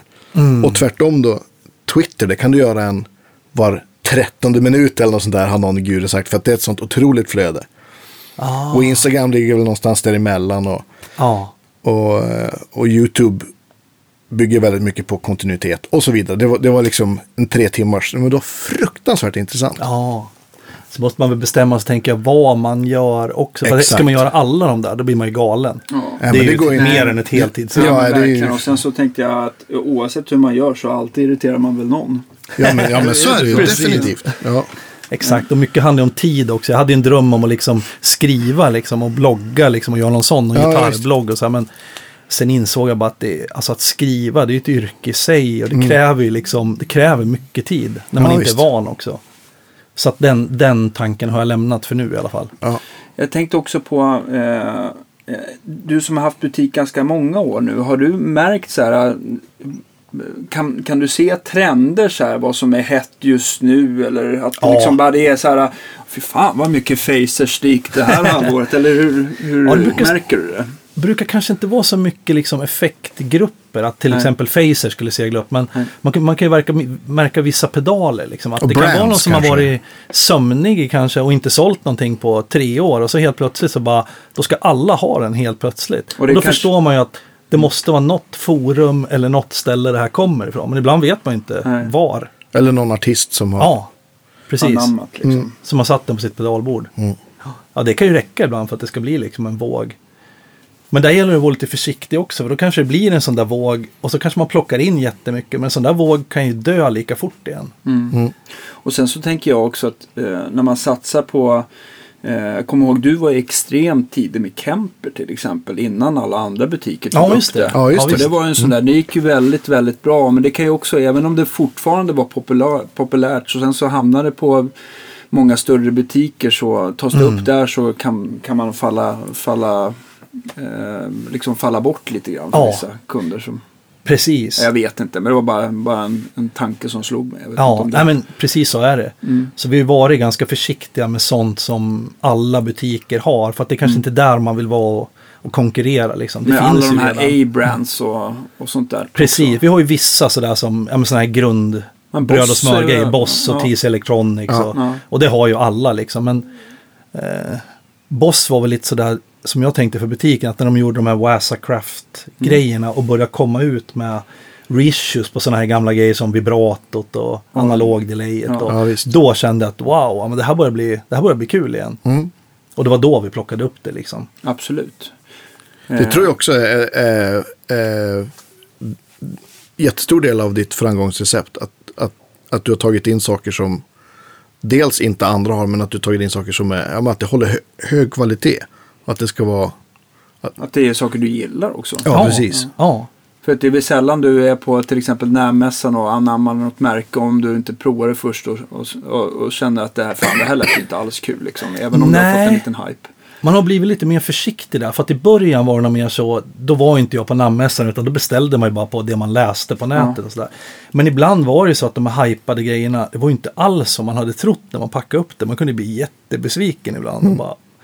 Men samtidigt är ju det, det är ju bara min åsikt. Det Ja, behöver ja, inte vara allas Ja, åsikt. det måste man ju lära sig också att, det, att eh, ens egen smak är ju inte för alla. Nej, alla så. tycker inte samma. Men ibland kan man känna om det är en, en overdrive och man kan höra både så rent ljud och overdrive-ljud i samma liksom signal. Då kan man känna att det där är inte, om det nu inte är meningen Som att man ska kunna blända. stack, ett stackat sound. Liksom. Ja, ett stackat Mm. sound fast det håller inte ihop och låter som ett ljud utan det låter som två olika ljud samtidigt. Ja, för man, man kan ju till exempel säga att den gamla klassiska Tube Screamen är ju lite så. Men den, är- det finns ju verkligen sådana pedaler där det är verkligen uppenbart att det är Ja. så. Då blir det inte skoj. Alltså. Nej, nej, det blir inte det. Eh, så att, ja men ibland har man ju gått på nita liksom. Man har, man har gått på vad man läser och sen så stämmer det inte alls. Men då, då har man ju varit snabb att fasa ut det märket. Ja. Att man inte har det kvar helt enkelt när man inte tycker själv att det är, att det är Och bra. sen så kanske det är också att det kan vara bra grejer ibland fast de kanske är knepiga att arbeta med. När Så det kan det gäller vara. service och garanti och Ja. shipments eller vad det nu är. Ja, Det mycket- Precis. Ja, det är också sånt man får lära sig. Den, det var ett förstärkarmärke vi hade som, eh, som var väldigt bra. Jag ska inte nämna märket men Mm. det var väldigt bra för pengarna. De lät väldigt bra. Ja. Men sen började det gå sönder transformatorer. Eh, folk började bli irriterade liksom, när de hade trasiga stärkare. Mm. Och då försökte vi få dem att skicka nya transformatorer. Det tog, jag tror det tog ett år eller ett och ett halvt innan det hände något. Med regelbundna kontakter då med märket. Liksom. Det är, Ja, så man är ju bundit upp massa förstörd. pengar och sen Ja, så är men det för kunder inte- som är missnöjda. Och, ja. För att inte konstigt. förstöra vårt rykte så köpte vi tillbaka. Ja, och det var egentligen begagnade förstärkare men de fick ju tillbaka pengarna. Så måste man göra liksom. Ja. Man får ju ta smällen. Men då kände jag verkligen att man ska, man ska vara väldigt försiktig med sådana. Kan det vara så att de tänker så äh, men de där uppe vid Nordpolen, det är väl inte så viktigt. Ingen eller, aning. eller är det alltså. bara allmän... För att jag, i Generell- min bok så känns det ju så här, det känns ju rent ointelligent att inte Ja. fatta att, att det inte är bra för ens brand Jätte- att inte fixa något på ett och ett halvt år. Ja. Det kan ju vara liksom att de gjorde i batcher och det liksom att de inte fick tag på själva. Men de, de kommunicerar inte heller så man, man visste inte liksom. Nej. Men där får man ju bara skydda sitt eget varumärke och att man skyddar butiken. Så, och så ser man till att försöka lösa det för kunderna. Eh, och sen får man, ja, får man försöka lösa det så gott man kan resten sen. Men de allra flesta är ju bra på det, de allra flesta märken. Absolut. Har du, har du också märkt att det är liksom så här. Jag menar, tänkte på kanske för en tio år sedan så måste det ju varit lite svårare att sälja de här butikpedalerna som kostar liksom 2000 uppåt eller någonting. Har folk blivit mer medvetna att kvalitet kostar eller att det är en liten tillverkare och det, det, det springer iväg liksom? Ja, det kanske är så. Eh, det är lite svårt att säga för att när vi började så var det så. Dels så började vi när det var värsta ekonomiska krisen. och där vi startade. Överlever man det då? Ja, men det kändes som att det kan bara gå uppåt härifrån. Ja. Liksom. Och sen så har vi inte funnits så länge så man har liksom någon bra statistik. Nej, just det. Vi har ju liksom vuxit som, som butik tack vare att folk har liksom, ja, men det har gått mest mun till mun liksom. Ja. Och att folk har pratat om den. Så att det är svårt att säga lite grann vad det beror på. Men om, om jag, jag bara skissar fritt här, om man tänker den trenden med butiksägare går ju faktiskt att applicera lite grann på, på, ja, men, på vårt samhälle i stort. Det har ju blivit mycket mer populärt med ja, men, att folk bryr sig mer om allt från att det ska vara organiskt och närodlat och, och det finns en massa, ja men vi pratade öl här innan då vi satt och drack kaffe och, och det har liksom blivit en sån boom med Mikrobryggerier. mikrobryggerier och fantastisk öl. Och, så, att, så att det känns lite grann som att det har tagit en sån vinkling nästan hela samhället. Att folk, folk betalar gärna för kvalitet och, Ja. och uppskattar det. Ja. Du hoppas att det inte följer, man har hört talas om kökstrender, att det har aldrig sålt så mycket dyr köksutrustning som nu. Men det har heller aldrig lagats så lite mat. Men så tror jag att det där, folk använder nog, an, använder nog grejerna.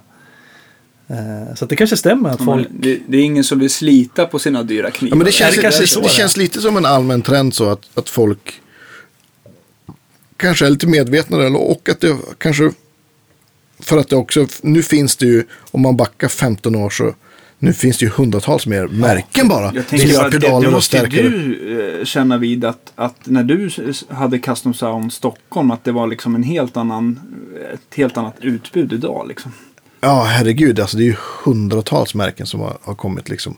Jag kommer ihåg vi pratade med. Göran, Göran Elmqvist om det också. Bara det här med strömförsörjningen. Att folk bara, fasiken den strömförsörjningen, ska den behöva kosta lika mycket som en dyr pedal liksom? Och idag är det inget konstigt liksom. Nu det tar liksom lite tid för folk att vänja sig och inse eh, att, det- att det är värt att lägga de här eh, extra hundralapparna så att Ja. liksom, du får bort de här eh, klassiska problemen kanske. Ja.